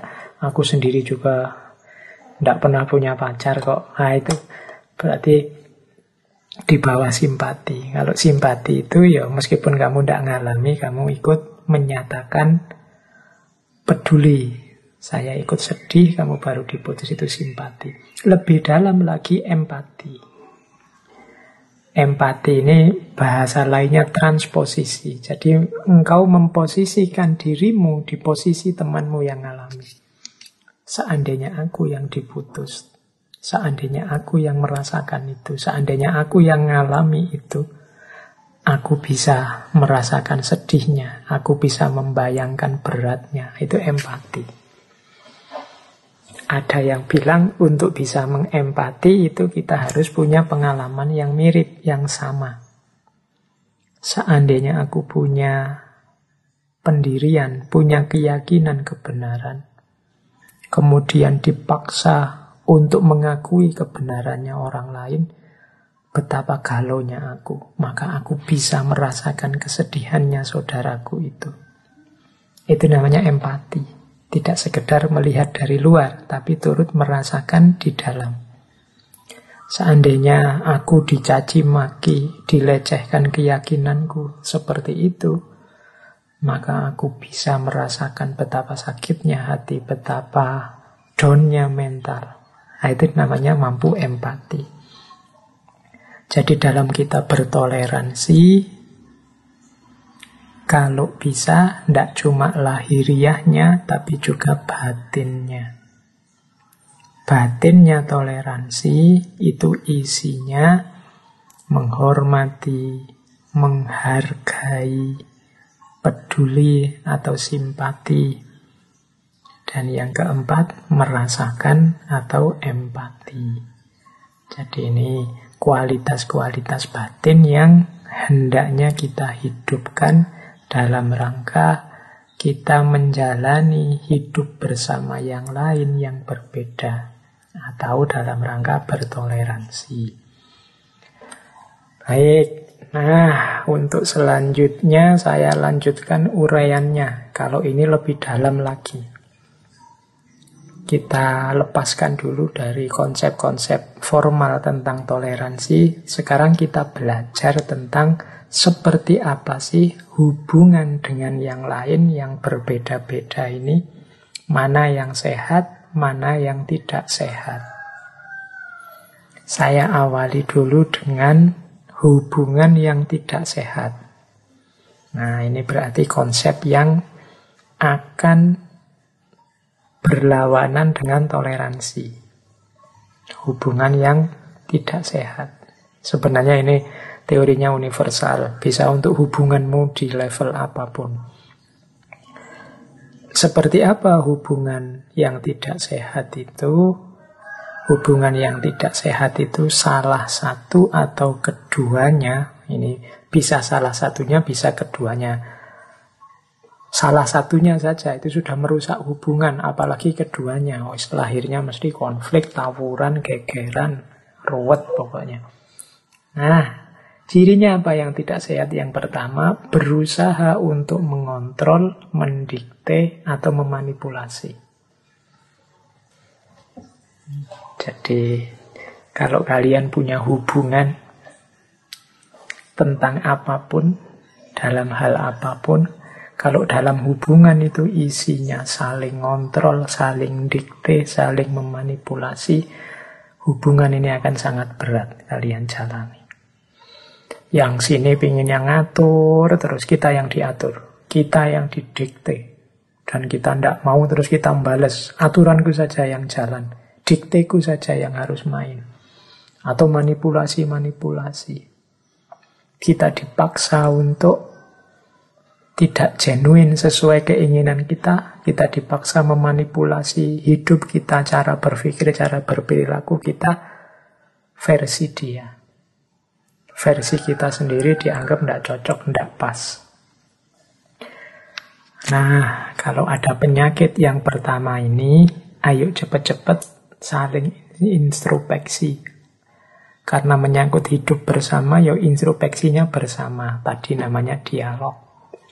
Saling terbuka memberi informasi biar tidak saling ngontrol, saling dikte, apalagi saling memanipulasi. Yang pertama. Yang kedua, ciri hubungan yang tidak sehat itu membuat yang lain merasa buruk tentang dirinya sendiri. Misalnya kalian punya teman, terus teman itu bilang padamu, kamu itu loh, kalau ngomong suaramu itu kayak suaranya apa gitu. Wah, kamu langsung drop, kamu langsung minder. Besok-besok kamu mau ngomong ragu-ragu. Wah, suaraku ini jelek kayak katanya temanku. Nah, ini hubungan yang semacam ini tidak sehat. Membuat temanmu merasa buruk tentang dirinya. Ya mungkin yang diucapkan benar, tapi caranya menyampaikan, caranya mengucapkan, membuat orang merasa buruk tentang dirinya sendiri. Nah, ini juga hati-hati. Jadi biasanya membuat orang merasa buruk tentang dirinya ini dengan cara mengungkap aib-aibnya. Atau yang kedua dengan cara mengolok-olok atau memanggil dengan sebutan yang tidak disuka. Jadi kadang-kadang kan kita mungkin karena menganggap Allah sudah temannya sendiri aja. Allah sudah akrab ini aja terus kita bikin panggilan-panggilan yang temanmu sebenarnya tidak suka kalau dipanggil itu. Mungkin kamu panggil karena berat badannya, terus kamu ambil panggil halo gendut, halo yang punya kelebihan badan, halo yang kerempeng, halo yang keriting, halo yang Yo alhamdulillah kalau temanmu hatinya luas dan suka. Tapi kalau dia tidak suka, hubunganmu adalah hubungan yang tidak sehat. Apalagi terus hasilnya adalah meruntuhkan kepercayaan dirinya. Jadi relasi yang membuat orang yang berhubungan dengan kita merasa buruk karena kita ungkap aibnya, kita memanggil dia dengan sebutan yang dia tidak berkenan. Atau kita meruntuhkan rasa percaya dirinya. Nah, ini jenis hubungan yang tidak sehat. Termasuk dalam konteks perbedaan keyakinan, perbedaan pilihan hidup, perbedaan pandangan. Misalnya perbedaan pandangan, misalnya ada temanmu punya pendapat apa, Terus kamu jatuhkan rasa percaya dirinya. Pikiran kayak gitu kok diungkapkan, disampaikan. Oh, belajar dulu sana lu, baca buku dulu, ikuti ustadz-ustadz siapa dulu yang lebih dalam. Kamu itu masih dangkal kok berani-beraninya ngomong. Nah, itu meruntuhkan rasa percaya diri. Kalau ada teman atau relasi yang seperti ini, bukan berarti temanmu dibuang saja, tapi hubunganmu sedang tidak sehat. Kalau bisa cari momen untuk dialog, ngomong berdua. Seperti tadi ya. Level paling tinggi hubungan yang produktif itu ada dialognya saling terbuka. Jadi ciri yang kedua. Ciri yang ketiga tidak memberikan dukungan saat kesulitan dan memberikan apresiasi saat ada keberhasilan. Ini juga masalah.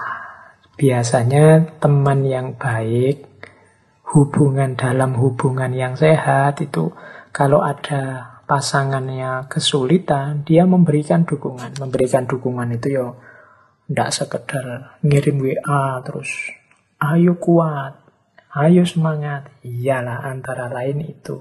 Tapi dukungan sepenuhnya kalau dukungan kata-kata menguatkan, diberikanlah kata-kata. Kalau butuh dukungan tenaga, tidak eman dengan tenaga yang dikeluarkan untuk mendukung. Kalau butuh biaya, semampunya, ya dibantu sesuai kemampuannya.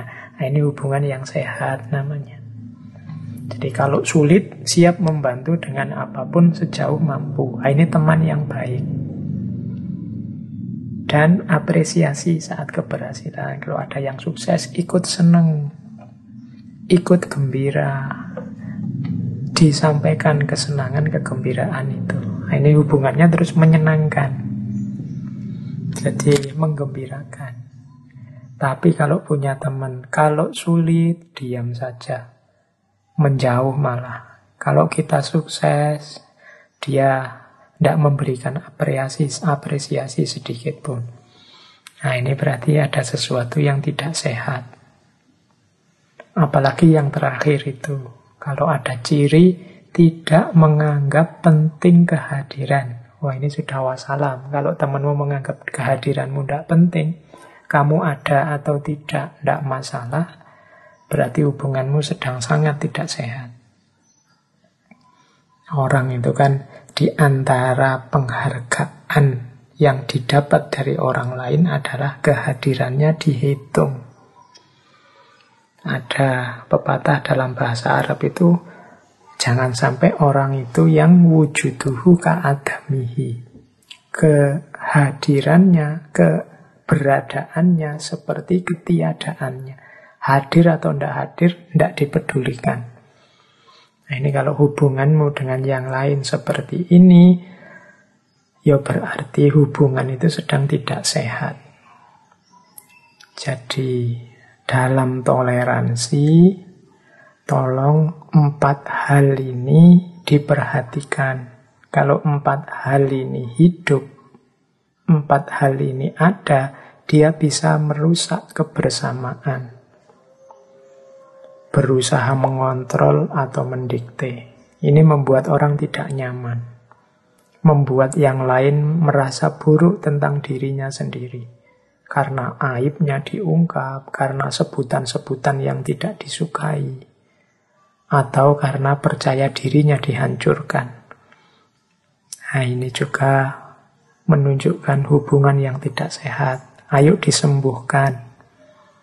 Atau kalau engkau sulit, tidak ada yang peduli. Kalau engkau sukses, tidak ada yang menyapa. Ini juga hubungan yang tidak sehat. Apalagi tidak ada yang menganggap engkau hadir atau tidak. Kalau hubungan semacam ini hidup, ciri-ciri ini ada, cepat-cepat diatasi bersama. Karena hubungan yang tidak sehat itu rentan konflik Ya kalau hubungan antara sesama anak muda yang pacaran tidak sehat, konflik bubar, gampang cari yang lain terus anu kemudian ganti lagi yang baru. Tapi kalau lingkungan sosial, misalnya tetangga kita yang hidup bersama kita itu kalau tidak sehat ya kita akan tersiksa terus menerus. Zaman sekarang kan tidak mudah, pindah aja lah pak, gak usah di situ.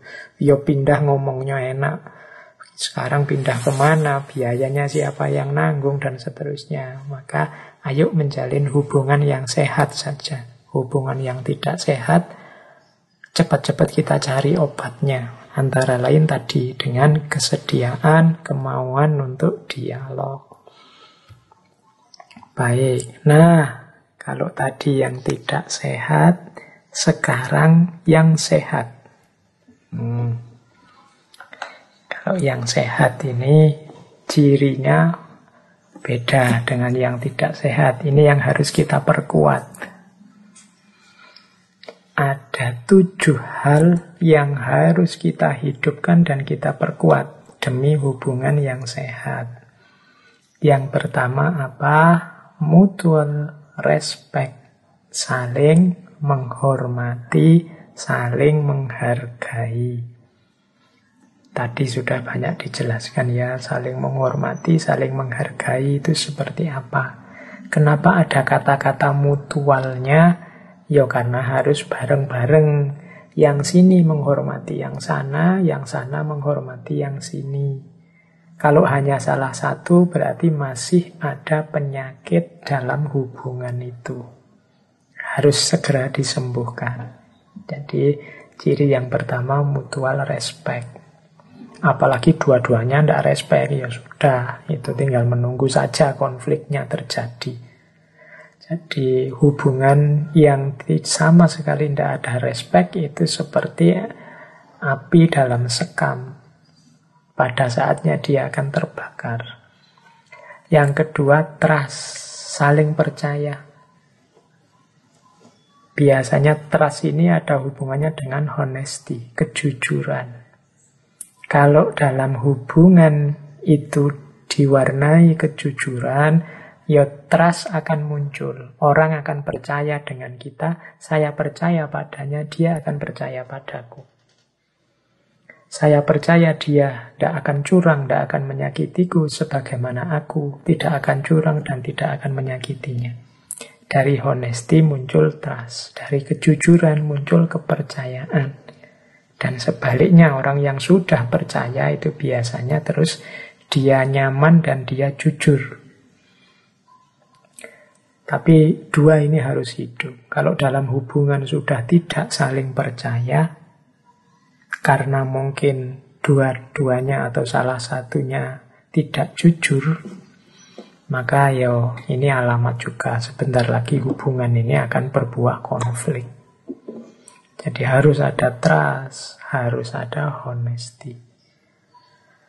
Kemudian yang keempat, support, dukungan. Ini biasanya dalam situasi sulit mau mendukung Wong kita hidup di lingkungan yang sama, wong kita hidup di wilayah yang sama, di negara yang sama. Harus saling support, tidak saling menjatuhkan, tidak diam-diam menunggu saya nggak akan menyakiti dia sih, tapi saya tunggu kapan dia jatuh. Nah, itu namanya tidak support. Tidak bisa dipercaya sekaligus tidak jujur. Kalau ketemu saja senyum-senyum, seakan-akan menghargai, tapi di belakang ngomong jelek-jelek terus. Itu namanya ndak jujur, ndak trust juga ndak support. Harus jujur. Kalau ada yang ganjel di pikiran, di perasaan, disampaikan saja apa adanya, kemudian dicari solusi bersama. Kalau mau jujur semacam ini akan melahirkan trust, saling percaya. Kalau kalian punya teman, punya hubungan yang isinya perasaanmu padanya seperti ini misalnya. Saya akan cerita apa pun sesuai kenyataannya padanya karena saya percaya dia bisa menjaga rahasia. Saya percaya dia akan memilih yang terbaik dilakukan untukku. Saya percaya dia responnya selalu menjaga, selalu menghargai. Oh, itu kan enak. Jadi dia engkau percaya makanya engkau jujur dan engkau selalu jujur karena dia bisa dipercaya. Hubungan yang semacam ini hubungan yang saling mendukung. Ini cirinya hubungan yang sehat. Yang keempat, fairness. Fairness itu adil, fair. Nah, ini bagian juga dari kejujuran, bagian juga dari kepercayaan. Kalau jelek, ya diomongkan jelek. Kalau baik, ya diomongkan baik jujur tadi, saya jujur loh kalau perilakumu yang ini saya tidak terlalu suka. Oh ya terima kasih ya. Nah, itu kan bagian dari kejujuran sekaligus fair. Kalau kamu seneng ya dibilang seneng, tidak suka dibilang tidak suka. Kalau dia salah ya diingatkan dia salah, kalau dia benar diapresiasi kebenaran. Itu namanya fairness, adil, tidak mentang-mentang saudaranya sendiri, satu kelompoknya sendiri, atau tetangganya sendiri, terus selalu benar, selalu baik. Itu namanya tidak fair. Kalau teman-teman membaca sejarah Islam, nanti kan banyak cerita-cerita bagaimana Kanjeng Nabi misalnya menghukumi kasus sahabat dengan orang Yahudi. Kemudian yang dimenangkan Yahudinya. Atau ada kasus dengan orang non-muslim yang lain. Kemudian ya karena yang salah muslimnya, ya diputuskan muslim yang salah. Nah, itu namanya fairness. Dalam cerita-cerita sejarah Islam banyak yang seperti ini adil. Nah, dalam hubungan yang fair itu kamu nyaman. Jadi, kalau orang tidak adil itu kan mungkin sebenarnya dia salah, terus diomongkan benar. Jatahnya harusnya cuma 10, dia mintanya 20. Itu tidak fair. Oke, selain fair juga harus spirit identities. Spirit identities itu, spirit itu misah, identities ya identitas. Tetap tidak apa-apa menerima identitas yang berbeda. Engkau dengan jalanmu, aku dengan jalanku. Ya kalau tidak ada spirit identitas, tidak jadi toleransi. Tidak ada perbedaan, ya tidak jadi toleransi. Namanya wong sepakat. Nah, dalam hubungan yang sehat, tidak memaksakan, mendiktekan pandangannya agar diikuti yang lain. Monggo saja yang lain dengan keyakinan kebenarannya masing-masing. Nah, itu namanya spirit identities. Jadi menerima perbedaan, menerima identitas yang berbeda, tidak mengklaim dirinya final kebenarannya, maka yang lain harus dipaksa ikut dirinya. Nah, itu namanya tidak ada prinsip ini. Kalau ada prinsip, kalau tidak ada prinsip spirit identities, hubungan akan terancam. Ya tidak cuma antar masyarakat, antar budaya atau agama yang berbeda. Hubungan laki-laki dan perempuan pun kadang-kadang kalau tidak bisa menerima spirit identitas, biasanya ya mudah bubar. Masing-masing menganggap dirinya sendiri yang paling benar secara egois. Sehingga terjadi struktur paksa memaksa. Struktur paksa memaksa ini nanti logikanya jadinya yang kuat menang, yang lemah kalah. Ketika ada struktur semacam ini, inilah struktur yang disebut zolim. Jadi kuncinya tidak pada benar salah atau baik buruk, tapi siapa yang kuat, siapa yang lemah. Oke, itu prinsip ke-6. Prinsip ketujuh dari hubungan yang sehat adalah good communication. Komunikasi yang sehat. Nah, kalau ini saya tidak perlu menjelaskan ya, kunci dari semuanya tadi sebenarnya terletak pada komunikasi yang sehat. Kalau kita enggan berkomunikasi atau berkomunikasi tapi sifatnya tidak sehat, komunikasi yang tidak sehat itu yo ingin mendikte atau komunikasi yang tidak jujur, atau komunikasi yang pencitraan saja, atau komunikasi yang saling cuek. Kan ada komunikasi yang saling cuek, bukan good communication, tapi komunikasi basa-basi. Kalau ketemu yo salam, yo selamat pagi, senyum. Tapi Begitu orangnya tidak ada ngomong yang jelek-jelek. Ini komunikasinya basa-basi, tidak terbuka, tidak jujur.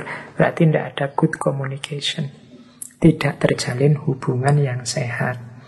Maka tadi di atas disarankan salah satu rumusnya hidup bersama yang baik itu yang ada dialog. Dialog itu isinya good communication yang hasilnya adalah kebaikan yang semakin meningkat dalam kehidupan bersama.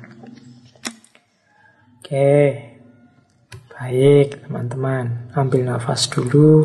Kita masih ada waktu sekitar 30 menit. Untuk 30 menit yang tersisa, saya akan menyampaikan sedikit materi tentang toleran cuma yang dalam bahasa Arab, yaitu tasamuh. Kalau tadi di depan teori-teorinya secara umum, sekarang kita agak spesifik teorinya tentang tasamuh. Oke, ambil nafas dulu sebentar, minum dulu sebentar, karena kita akan bergeser sedikit cara menguraikan toleransinya.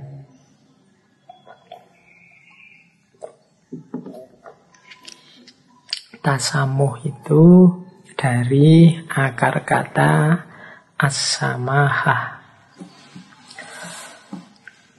Jadi yang artinya secara harafiah itu memudahkan atau murah hati atau tidak menyulitkan, tidak memberatkan, atau memberi tempat kepada yang lain. Hari ini banyak wacana-wacana tentang Islam yang moderat atau Islam wasatiyah. Di antara cara beragama yang moderat atau cara beragama yang wasatiyah itu adalah as-samahah atau at-tasawuf. At-tasamuh, bukan tasawuf. Jadi yang secara harafiah artinya memudahkan murah hati, tidak menyulitkan, tidak memberatkan, dan menerima kehadiran orang lain. Berarti di antara cirinya beragama secara moderat itu ya beragama yang memudahkan. Beragama yang murah hati, tidak mahal. Kadang-kadang kita ini kan mahal dan jual mahal terhadap saudara-saudara kita, teman-teman kita, tetangga kita kiri kanan. Ini tidak boleh, itu tidak boleh. Yang benar hanya ini. Minta selanya sedikit, nyamannya sedikit, tidak boleh. Pokoknya harus ini. Itu tidak murah hati. Tidak menyulitkan, tidak memberatkan, dan memberi tempat pada orang lain. Ini keberagamaan yang terpuji dan dipuji. Mudah, karena agama itu hakikatnya kan hadir dalam hidup kita sebagai pedoman untuk kita menjalani hidup ini secara baik, seimbang dunia akhirat. Baik di akhirat, baik di dunia, utama di akhirat, utama di dunia. Itu kan tujuan hadirnya agama dengan tuntunannya, dengan kitab sucinya, dengan nabi dan rasulnya. Harusnya berarti kehadiran agama itu memudahkan, menyenangkan. Hanya saja kita kadang-kadang yang menyikapinya terlalu kaku, tidak murah hati, dan memberatkan. Maka orang beragama perlu punya kualifikasi tasamuh. Nah, saya bawakan dalil ini beberapa biar ngajinya seperti ngaji beneran meskipun judulnya filsafat. Itu silahkan nanti teman-teman ya, saya bukan ahli tafsir yang ingin mendalami tafsirnya per ayat ya silahkan dikaji kitab-kitab tafsir, diikuti kajian-kajian para ulama ahli tafsir. Saya tunjukkan saja ayat yang konotasinya, orientasinya pada definisi tasamuh tadi. Misalnya surat Al-Baqarah ayat 185. Yuridullahu bikumul yusra wala yuridu bikumul usr. Allah menginginkan kemudahan bagimu dan tidak menginginkan kesukaran bagimu.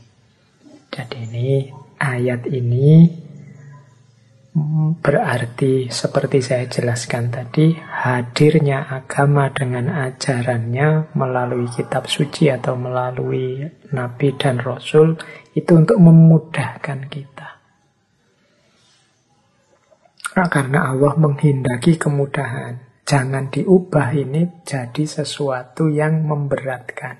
Justru dengan agama harusnya kita mendapatkan kemudahan.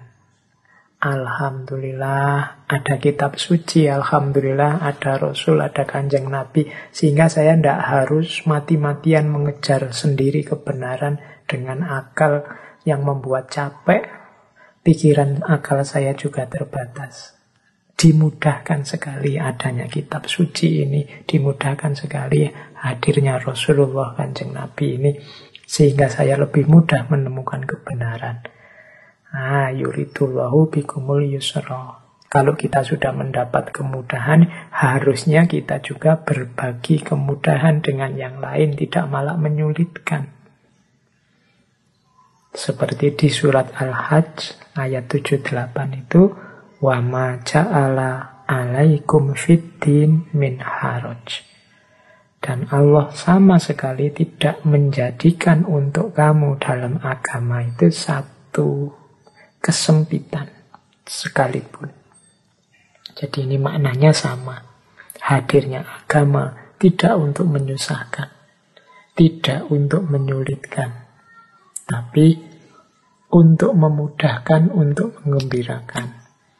Nah, ini tujuan hadirnya agama. Maka beragama yang tepat itu ya beragama yang memudahkan beragama yang tidak mahal, tidak menyulitkan, tapi murah hati dan memudahkan.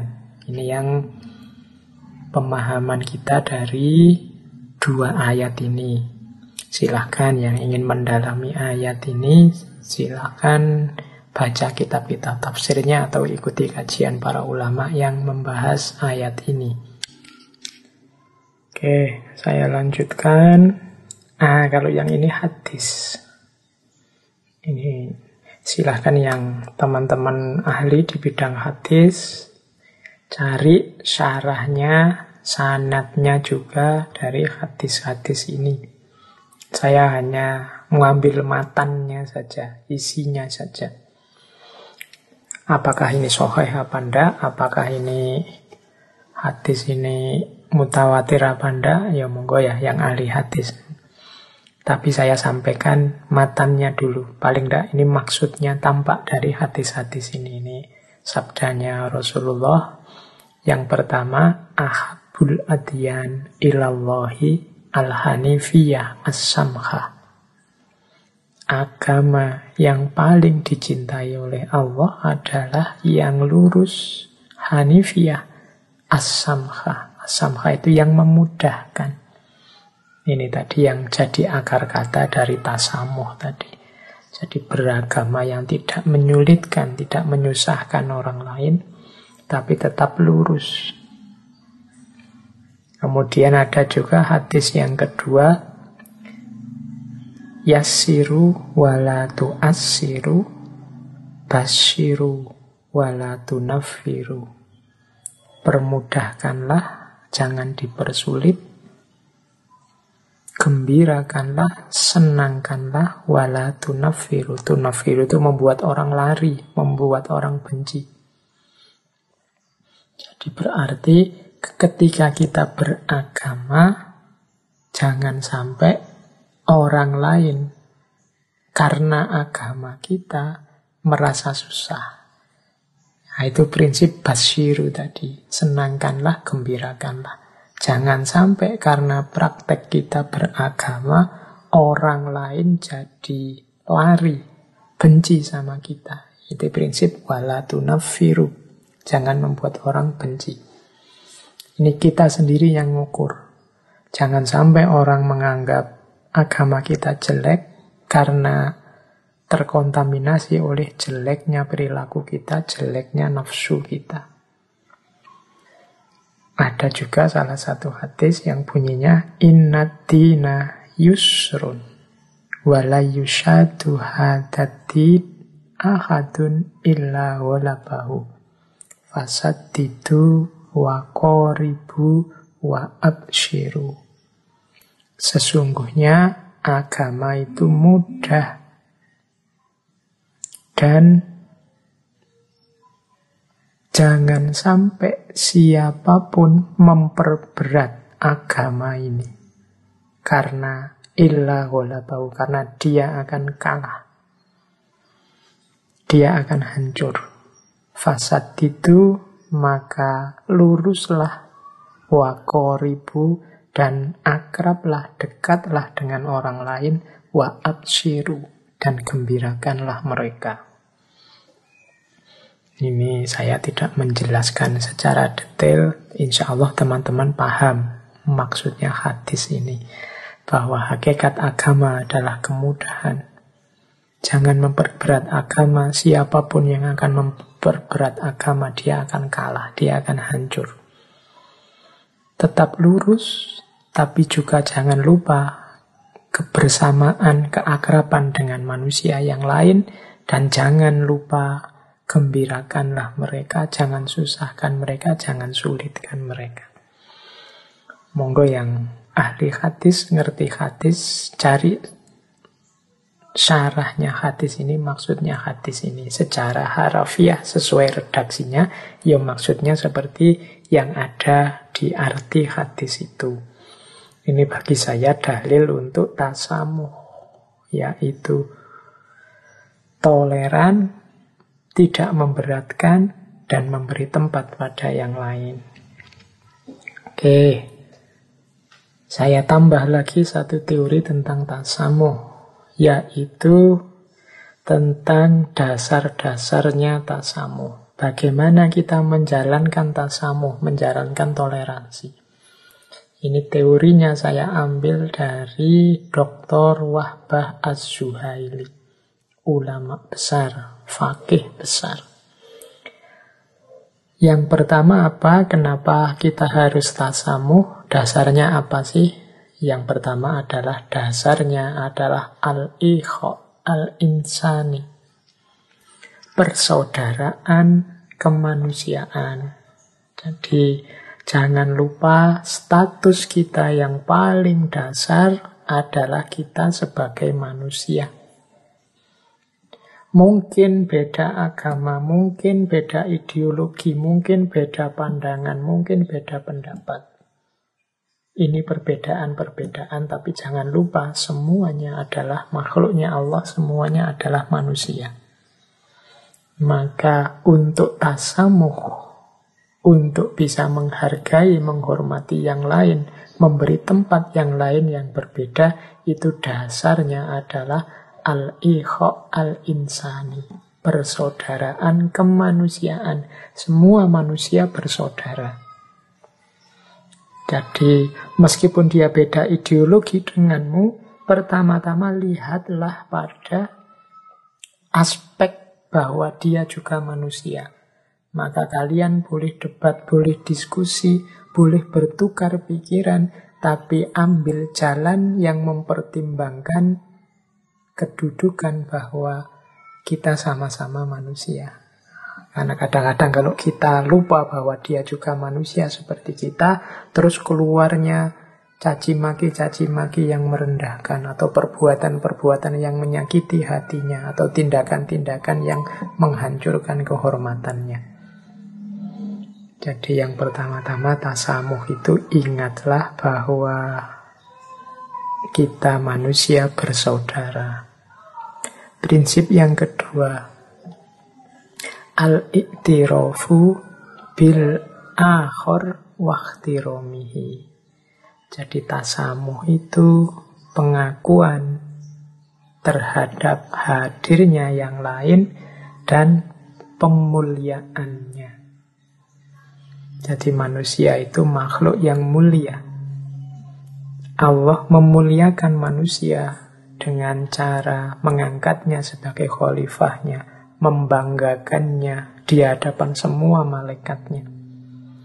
Maka siapa pun manusia, tidak ada yang berhak untuk kita rendahkan, kita jatuhkan harga dirinya. Semuanya makhluk Allah yang mulia. Yang ketiga, al-musawah bainan nas. Jadi untuk melakukan tasamuh, perhatikan sesama manusia itu setara. Setara dalam arti, yo kalau dia salah, kita ungkapkan kesalahannya, Kita hukum sesuai kesalahannya, sesuai aturan hukum yang berlaku. Kalau dia benar, kita dukung kebenarannya. Kita dukung haknya untuk mendapat apresiasi, mendapatkan balasan atas kebaikannya. Sebagaimana kita juga kalau salah harus mau dihukum, kalau benar kita juga siap untuk diapresiasi, mendapat balasan sesuai kebenaran sesuai kebaikan dalam bentuk apa pun yang kita lakukan. Kita semua setara. Ini prinsip tadi yang saya sebut fairness, setara. Yang keempat, dasarnya tasamuh adalah al-adlu fit ta'amul, keadilan dalam berinteraksi hubungan kita dengan yang lain didasari prinsip adil. Adil itu diawali dari jujur. Kalau benar diomongkan benar, kalau salah diomongkan salah. Kalau dia memang keliru dan harus dihukum sesuai aturan, ya dia harus dihukum. Itu namanya adil. Kemudian yang kelima, tasamuh itu berarti al-hurriyah al-munadzomah kebebasan tapi sesuai aturan. Silahkan setiap orang meyakini kebenarannya, menjalankan kebaikan sesuai yang diyakininya, tapi juga dia tidak boleh egois, tidak boleh anarkis. Dia harus mengikuti kesepakatan-kesepakatan hidup bersama sesuai aturan norma-norma yang sudah dijalankan di lingkungannya. Karena kalau orang suka-suka hatinya terus mengikuti kebebasannya, tidak peduli dengan aturan, ya yang terjadi nanti kekacauan-kekacauan, keos-keos yang tidak produktif. Inginnya kebaikan, tapi jalannya keliru sehingga hasilnya hanya kerusakan. Maka istilah dari Dr. Wabah Zuhaili adalah al-hurriyah al-munadzomah. Kebebasan yang sesuai aturan. Tidak sekedar hurriyah, tapi ada pengkhususnya, yaitu munadzomah. Baik, ini ciri-ciri atau dasarnya tasamuh. Al-ikho al-insani, al-iktiraf bil-akhar wahtiromihi, al-musawah bainan nas, al-adlu fit ta'amul, dan al-hurriyah al-munadzomah. Kita lanjutkan dengan beberapa quote terakhir sebelum kita akhiri ngaji ini. Saya membawa satu, dua, tiga quote. Dua yang awal dari Dalai Lama. Ini ada quote bagus dari Dalai Lama. The purpose of religion is to control yourself, not to criticize other. Tujuan dari agamamu itu adalah untuk mengkontrol dirimu, bukan mengkritisi yang lain. Nah, ini pesannya Dalai Lama untuk kita, ayo kita lebih sibuk dengan kondisi batin kita, mengkontrol diri kita. Apakah tadi kita sudah menghargai yang lain, sudah menghormati yang lain? Apakah kita bisa berempati pada yang lain? Apakah kita menerima kehadiran yang lain? Nah ini jalan untuk kita bisa menjalani toleransi di level yang tinggi, tidak sekedar cuek dengan kehadiran yang lain. Apa? Evaluasi diri, kontrol diri lewat jalan agama. Kalau bahasa dunia sufi dulu kita pakai istilah muhasabah. Ayo kita ngecek diri kita. Semua yang saya uraikan di atas tadi, pertama-tama terapkanlah pada dirimu semua masing-masing apakah level toleransi yang sudah saya jalankan hanya membiarkan, sudah memahami, atau aku sudah terbuka untuk dialog. Nah, jadi pertama-tama untuk mengontrol diri. Hadirnya agama memang untuk mengontrol diri kita yang pertama. Kalau kita sudah beres, baru kita berhadapan dengan yang lain dengan senjata toleransi. Jangan hanya sibuk untuk mencari kesalahannya yang lain, sehingga kesalahanmu sendiri terlewatkan. Kita sibuk menuding orang, lupa dengan kesalahan kita sendiri. Itu mungkin maksudnya Dalai Lama. Ada quotes lagi dari Dalai Lama, compassion and tolerance are not a sign of weakness, but a sign of strength. Kasih sayang dan juga toleran itu bukan simbol kelemahan, tapi simbol kekuatan. Jangan salah, orang itu dalam kasih sayang atau dalam toleransi ini kan rasanya mudah, rasanya ringan, bahkan kesannya cuma pasif, menunjukkan kita tidak berani tanding, tidak berani tarung. Terus orang menganggap kita ini kan kuat. Maka kita harus bersaing, bertanding, bisa menaklukkan yang lain. Katanya Dalai Lama, ndak justru kekuatanmu terlihat ketika engkau bisa menyayangi dan engkau bisa toleransi. Wow, toleransi itu berat. Orang itu kecenderungannya egois. Mengklaim kebenarannya, ingin kelihatan menang dari yang lain, ingin kelihatan lebih benar, lebih baik dari yang lain. Lalu dalam toleransi, hasrat ego ini dikekang. Janganlah Jangan turuti keinginanmu untuk menjatuhkan yang lain. Keinginanmu untuk pamer kebaikan, pamer kebenaran, menunjukkan engkau lebih benar, lebih baik dari yang lain. Lo ini kan berat. Tidak sembarangan orang bisa. Maka toleransi termasuk kasih sayang katanya Dalai Lama adalah salah satu simbol dari kekuatan. Kalian yang bisa toleran, kalian yang bisa menyebarkan kasih sayang, rasa cinta adalah orang-orang yang kuat justru. Makanya sepulang dari perang Badar, Kanjeng Nabi bilang kita pulang dari perang yang kecil menuju perang yang besar. Perang yang besar itu apa? Perang melawan dirimu sendiri. Perang badar yang dahsyat itu ternyata kalah besar dengan perang melawan diri kita sendiri. Untuk bisa sayang, untuk bisa toleran pada yang lain yang berbeda, itu butuh kekuatan yang luar biasa karena musuhnya diri kita sendiri. Karena diri kita sendiri biasanya menuntut yang enak-enak, yang nyaman-nyaman, yang menang-menang, yang sukses-sukses.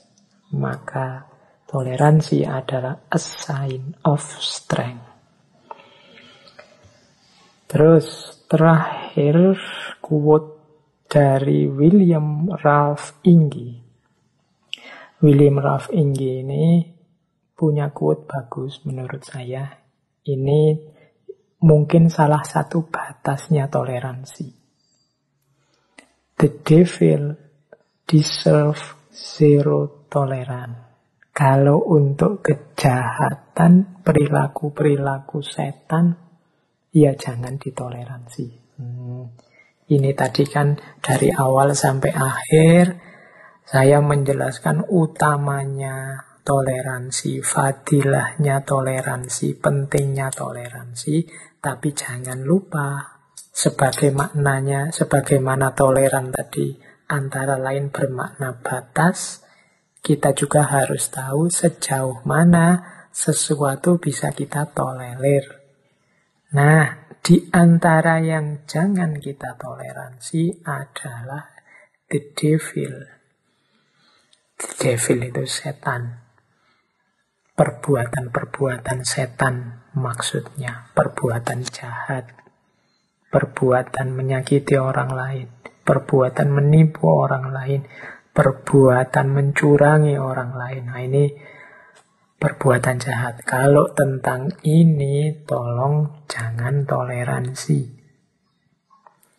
Nanti ada temenmu, misalnya menjahati yang lain. Temenmu melakukan perbuatan merusak, perbuatan jahat, perbuatan menipu mungkin maling, mungkin apalagi merampok, mungkin ini jahat lah ya, contohnya oke, okay. saya tidak perlu menyebut satu-satu. Kalau ini jangan ditoleransi. Jangan kamu pakai alasan lupa, itu kan pilihan hidupnya pak. Itu kan keputusannya sendiri, ya biarkan saja dia milih jadi perampok. Kita kan harus toleran dengan keputusannya. Tidak. Kalau untuk yang jahat-jahat, yang jelek-jelek, yang merusak-merusak, deserve zero toleran. Jadi layaknya yo jangan ditolerir. Jadi karena justru perbuatan-perbuatan jahat itu tabrakan dengan prinsip-prinsip toleransi. Toleransi itu dihadirkan kita lakukan demi kebaikan kehidupan kita bersama. Maka semua perbuatan, semua tindakan yang merusak kenyamanan, kebaikan hidup kita bersama, ya jangan ditoleransi. The devil deserve zero toleran. Jadi yo yang jahat-jahat ya jangan. Pak saya toleran kok pak. Kasihan teman saya itu tidak punya uang ya. Akhirnya dia milih untuk ngotel, untuk nyopet, untuk nipu. Ya itu pilihan hidupnya pak. Harus kita maklumi ya jangan. Jadi ini salah satu batasnya toleransi. Oke, baik teman-teman, kajian malam hari ini mungkin cukup ya. Uh, saya ingin nutup sekali saja dengan satu ayat. Ayat ini penting menurut saya dua ayat ini surat Al-Hujurat ayat 11 dan ayat 12. Teman-teman mungkin hafal sekali ayat ini. Ingat-ingat terus ayat ini. Ayat ini adalah kunci agar kehidupan bersama kita nyaman. Kunci dari toleransi. Yang saya bacakan saja untuk menutup biar waktunya nggak terlalu panjang. Yaitu surat Al-Hujurat ayat 11. Isinya apa? Jangan saling mencela, jangan saling merendahkan. Ya ayyuhalladzina amanu la yashor qaumum min qaumin asa ayakunu khairam minhum wala nisa'um min nisa'in asa ayakunna khairam minhunna. Wahai orang-orang yang beriman, janganlah mencela satu kaum kepada kaum yang lain karena bisa jadi yang dicela itu lebih baik. Juga jangan mencela perempuan kepada perempuan yang lain karena bisa jadi yang dicela itu lebih baik. Jadi untuk menjaga kebersamaan, manifestasi toleransi yang pertama jangan saling mencela dalam bentuk apa pun. Termasuk dalam bentuk sindiran atau nyinyiran. Mengkritisi boleh. Saling memberi masukan boleh. Tapi mencela jangan. Insya Allah kalian ngerti bedanya mencela dengan memberi masukan atau mengkritisi. Wala talmizu anfusakum wala tanabazu bil alkoh. Jangan engkau rendahkan dirimu dan jangan engkau saling memberi gelar, gelar yang tidak, tidak disukai, dengan sebutan-sebutan yang tidak disukai. Oh dasar orang sesat, oh dasar orang kafir, oh dasar ini sebutan yang pasti orangnya tidak suka. Hindari semampu mungkin untuk memberi sebutan yang tidak disukai. Tidak harus pakai dalih-dalih, Pak. Itu kan istilah umum, Pak. Istilah biasa saja. Kalau menurut perkiraanmu, orang itu kalau disebut dengan istilah itu sakit hatinya, lebih baik jangan disebut. Pakai istilah-istilah yang lebih bisa diterima. Atau seandainya harus menyebut, jangan di depan orang banyak atau yang bisa diakses orang banyak. Makanya nanti sebenarnya ada banyak cerita tentang bagaimana cara para ulama mengkritisi yang lain, mengoreksi pandangan yang keliru dan seterusnya. Pasti tidak dengan cara koar-koar, dengan cara terbuka. Wala tanabazu bil alqab. Bi'salismul fusuku ba'dal iman. Sebutan penamaan yang paling jelek itu adalah fusuk ba'dal iman. Setelah iman, kok masih disebut fusuk, depan masih disebut jahat, masih disebut fasik. Ini panggilan yang sangat menyakitkan. Wa man lam yatub faulaika humuz zalimun. Barang siapa yang masih melakukan hal-hal di atas tadi dan tidak bertobat, maka mereka termasuk orang-orang yang zolim. Jangan mencela. Jangan menyebut orang lain, merendahkan orang lain dengan sebutan-sebutan yang dia tidak berkenan. Kalau masih saja engkau melakukan ini, engkau termasuk orang-orang yang zolim. Hukumannya apa orang yang zolim? Kalian cari sendiri di banyak ayat yang lain. Ini Al-Hujurat ayat 11. Al-Hujurat ayat 12.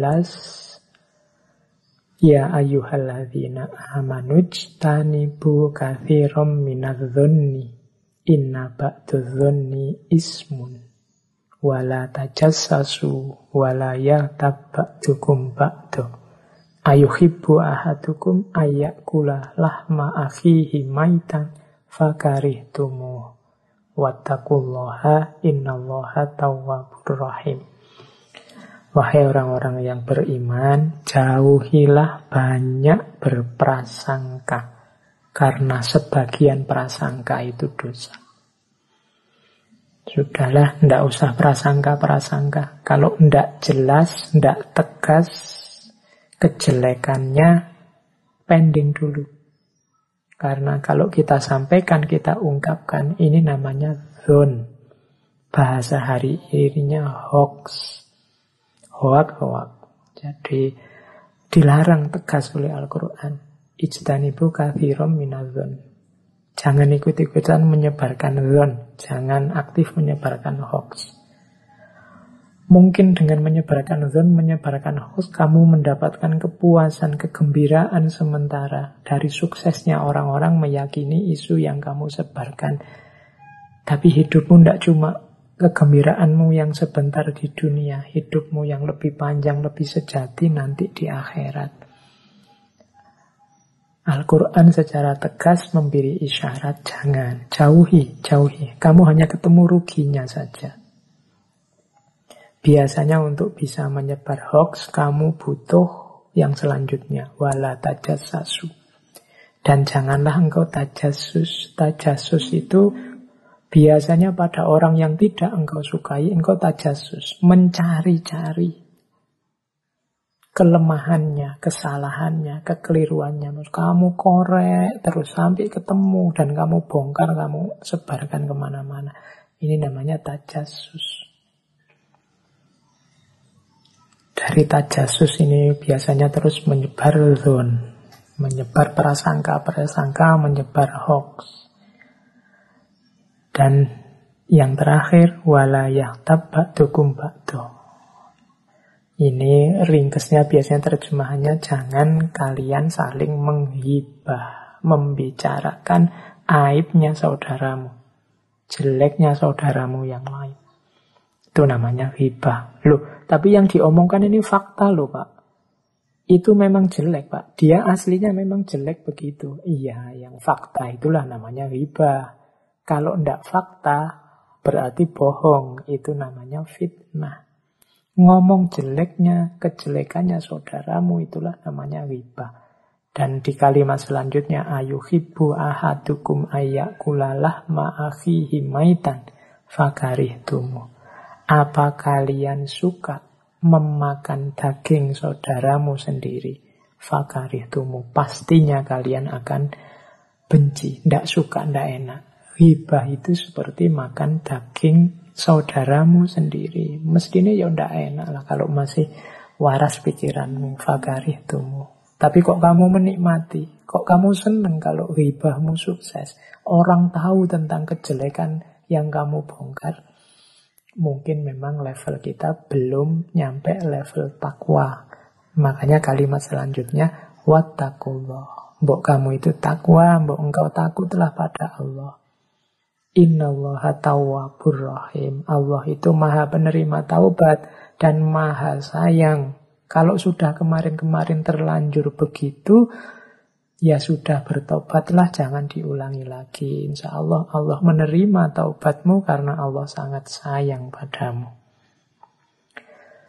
Baik teman-teman, itu penutup kajian kita malam hari ini dari surat Al-Hujurat ayat 11 dan ayat 12. Silahkan yang ingin lebih dalam kamu kaji lagi dua ayat itu lewat kitab-kitab tafsir atau lewat para ulama yang ahli tafsir. Ngaji kita anggap saja sebagai pancingan untuk kalian menelaah menggali lebih dalam. Oke, saya kira itu teman-teman kajian kita malam hari ini. Kurang lebihnya kalau ada pas ndak pasnya mohon dimaklumi, dimaafkan. Forum kita adalah forum belajar bersama, jadi tidak selalu semuanya benar. Ambil saja yang cocok, yang bisa bermanfaat, yang membawa hikmah positif dalam hidupmu. Saya akhiri sekian, kurang lebihnya mohon maaf. Wallahul muwafiq, wallahu a'lam biswab. Wassalamualaikum warahmatullahi wabarakatuh.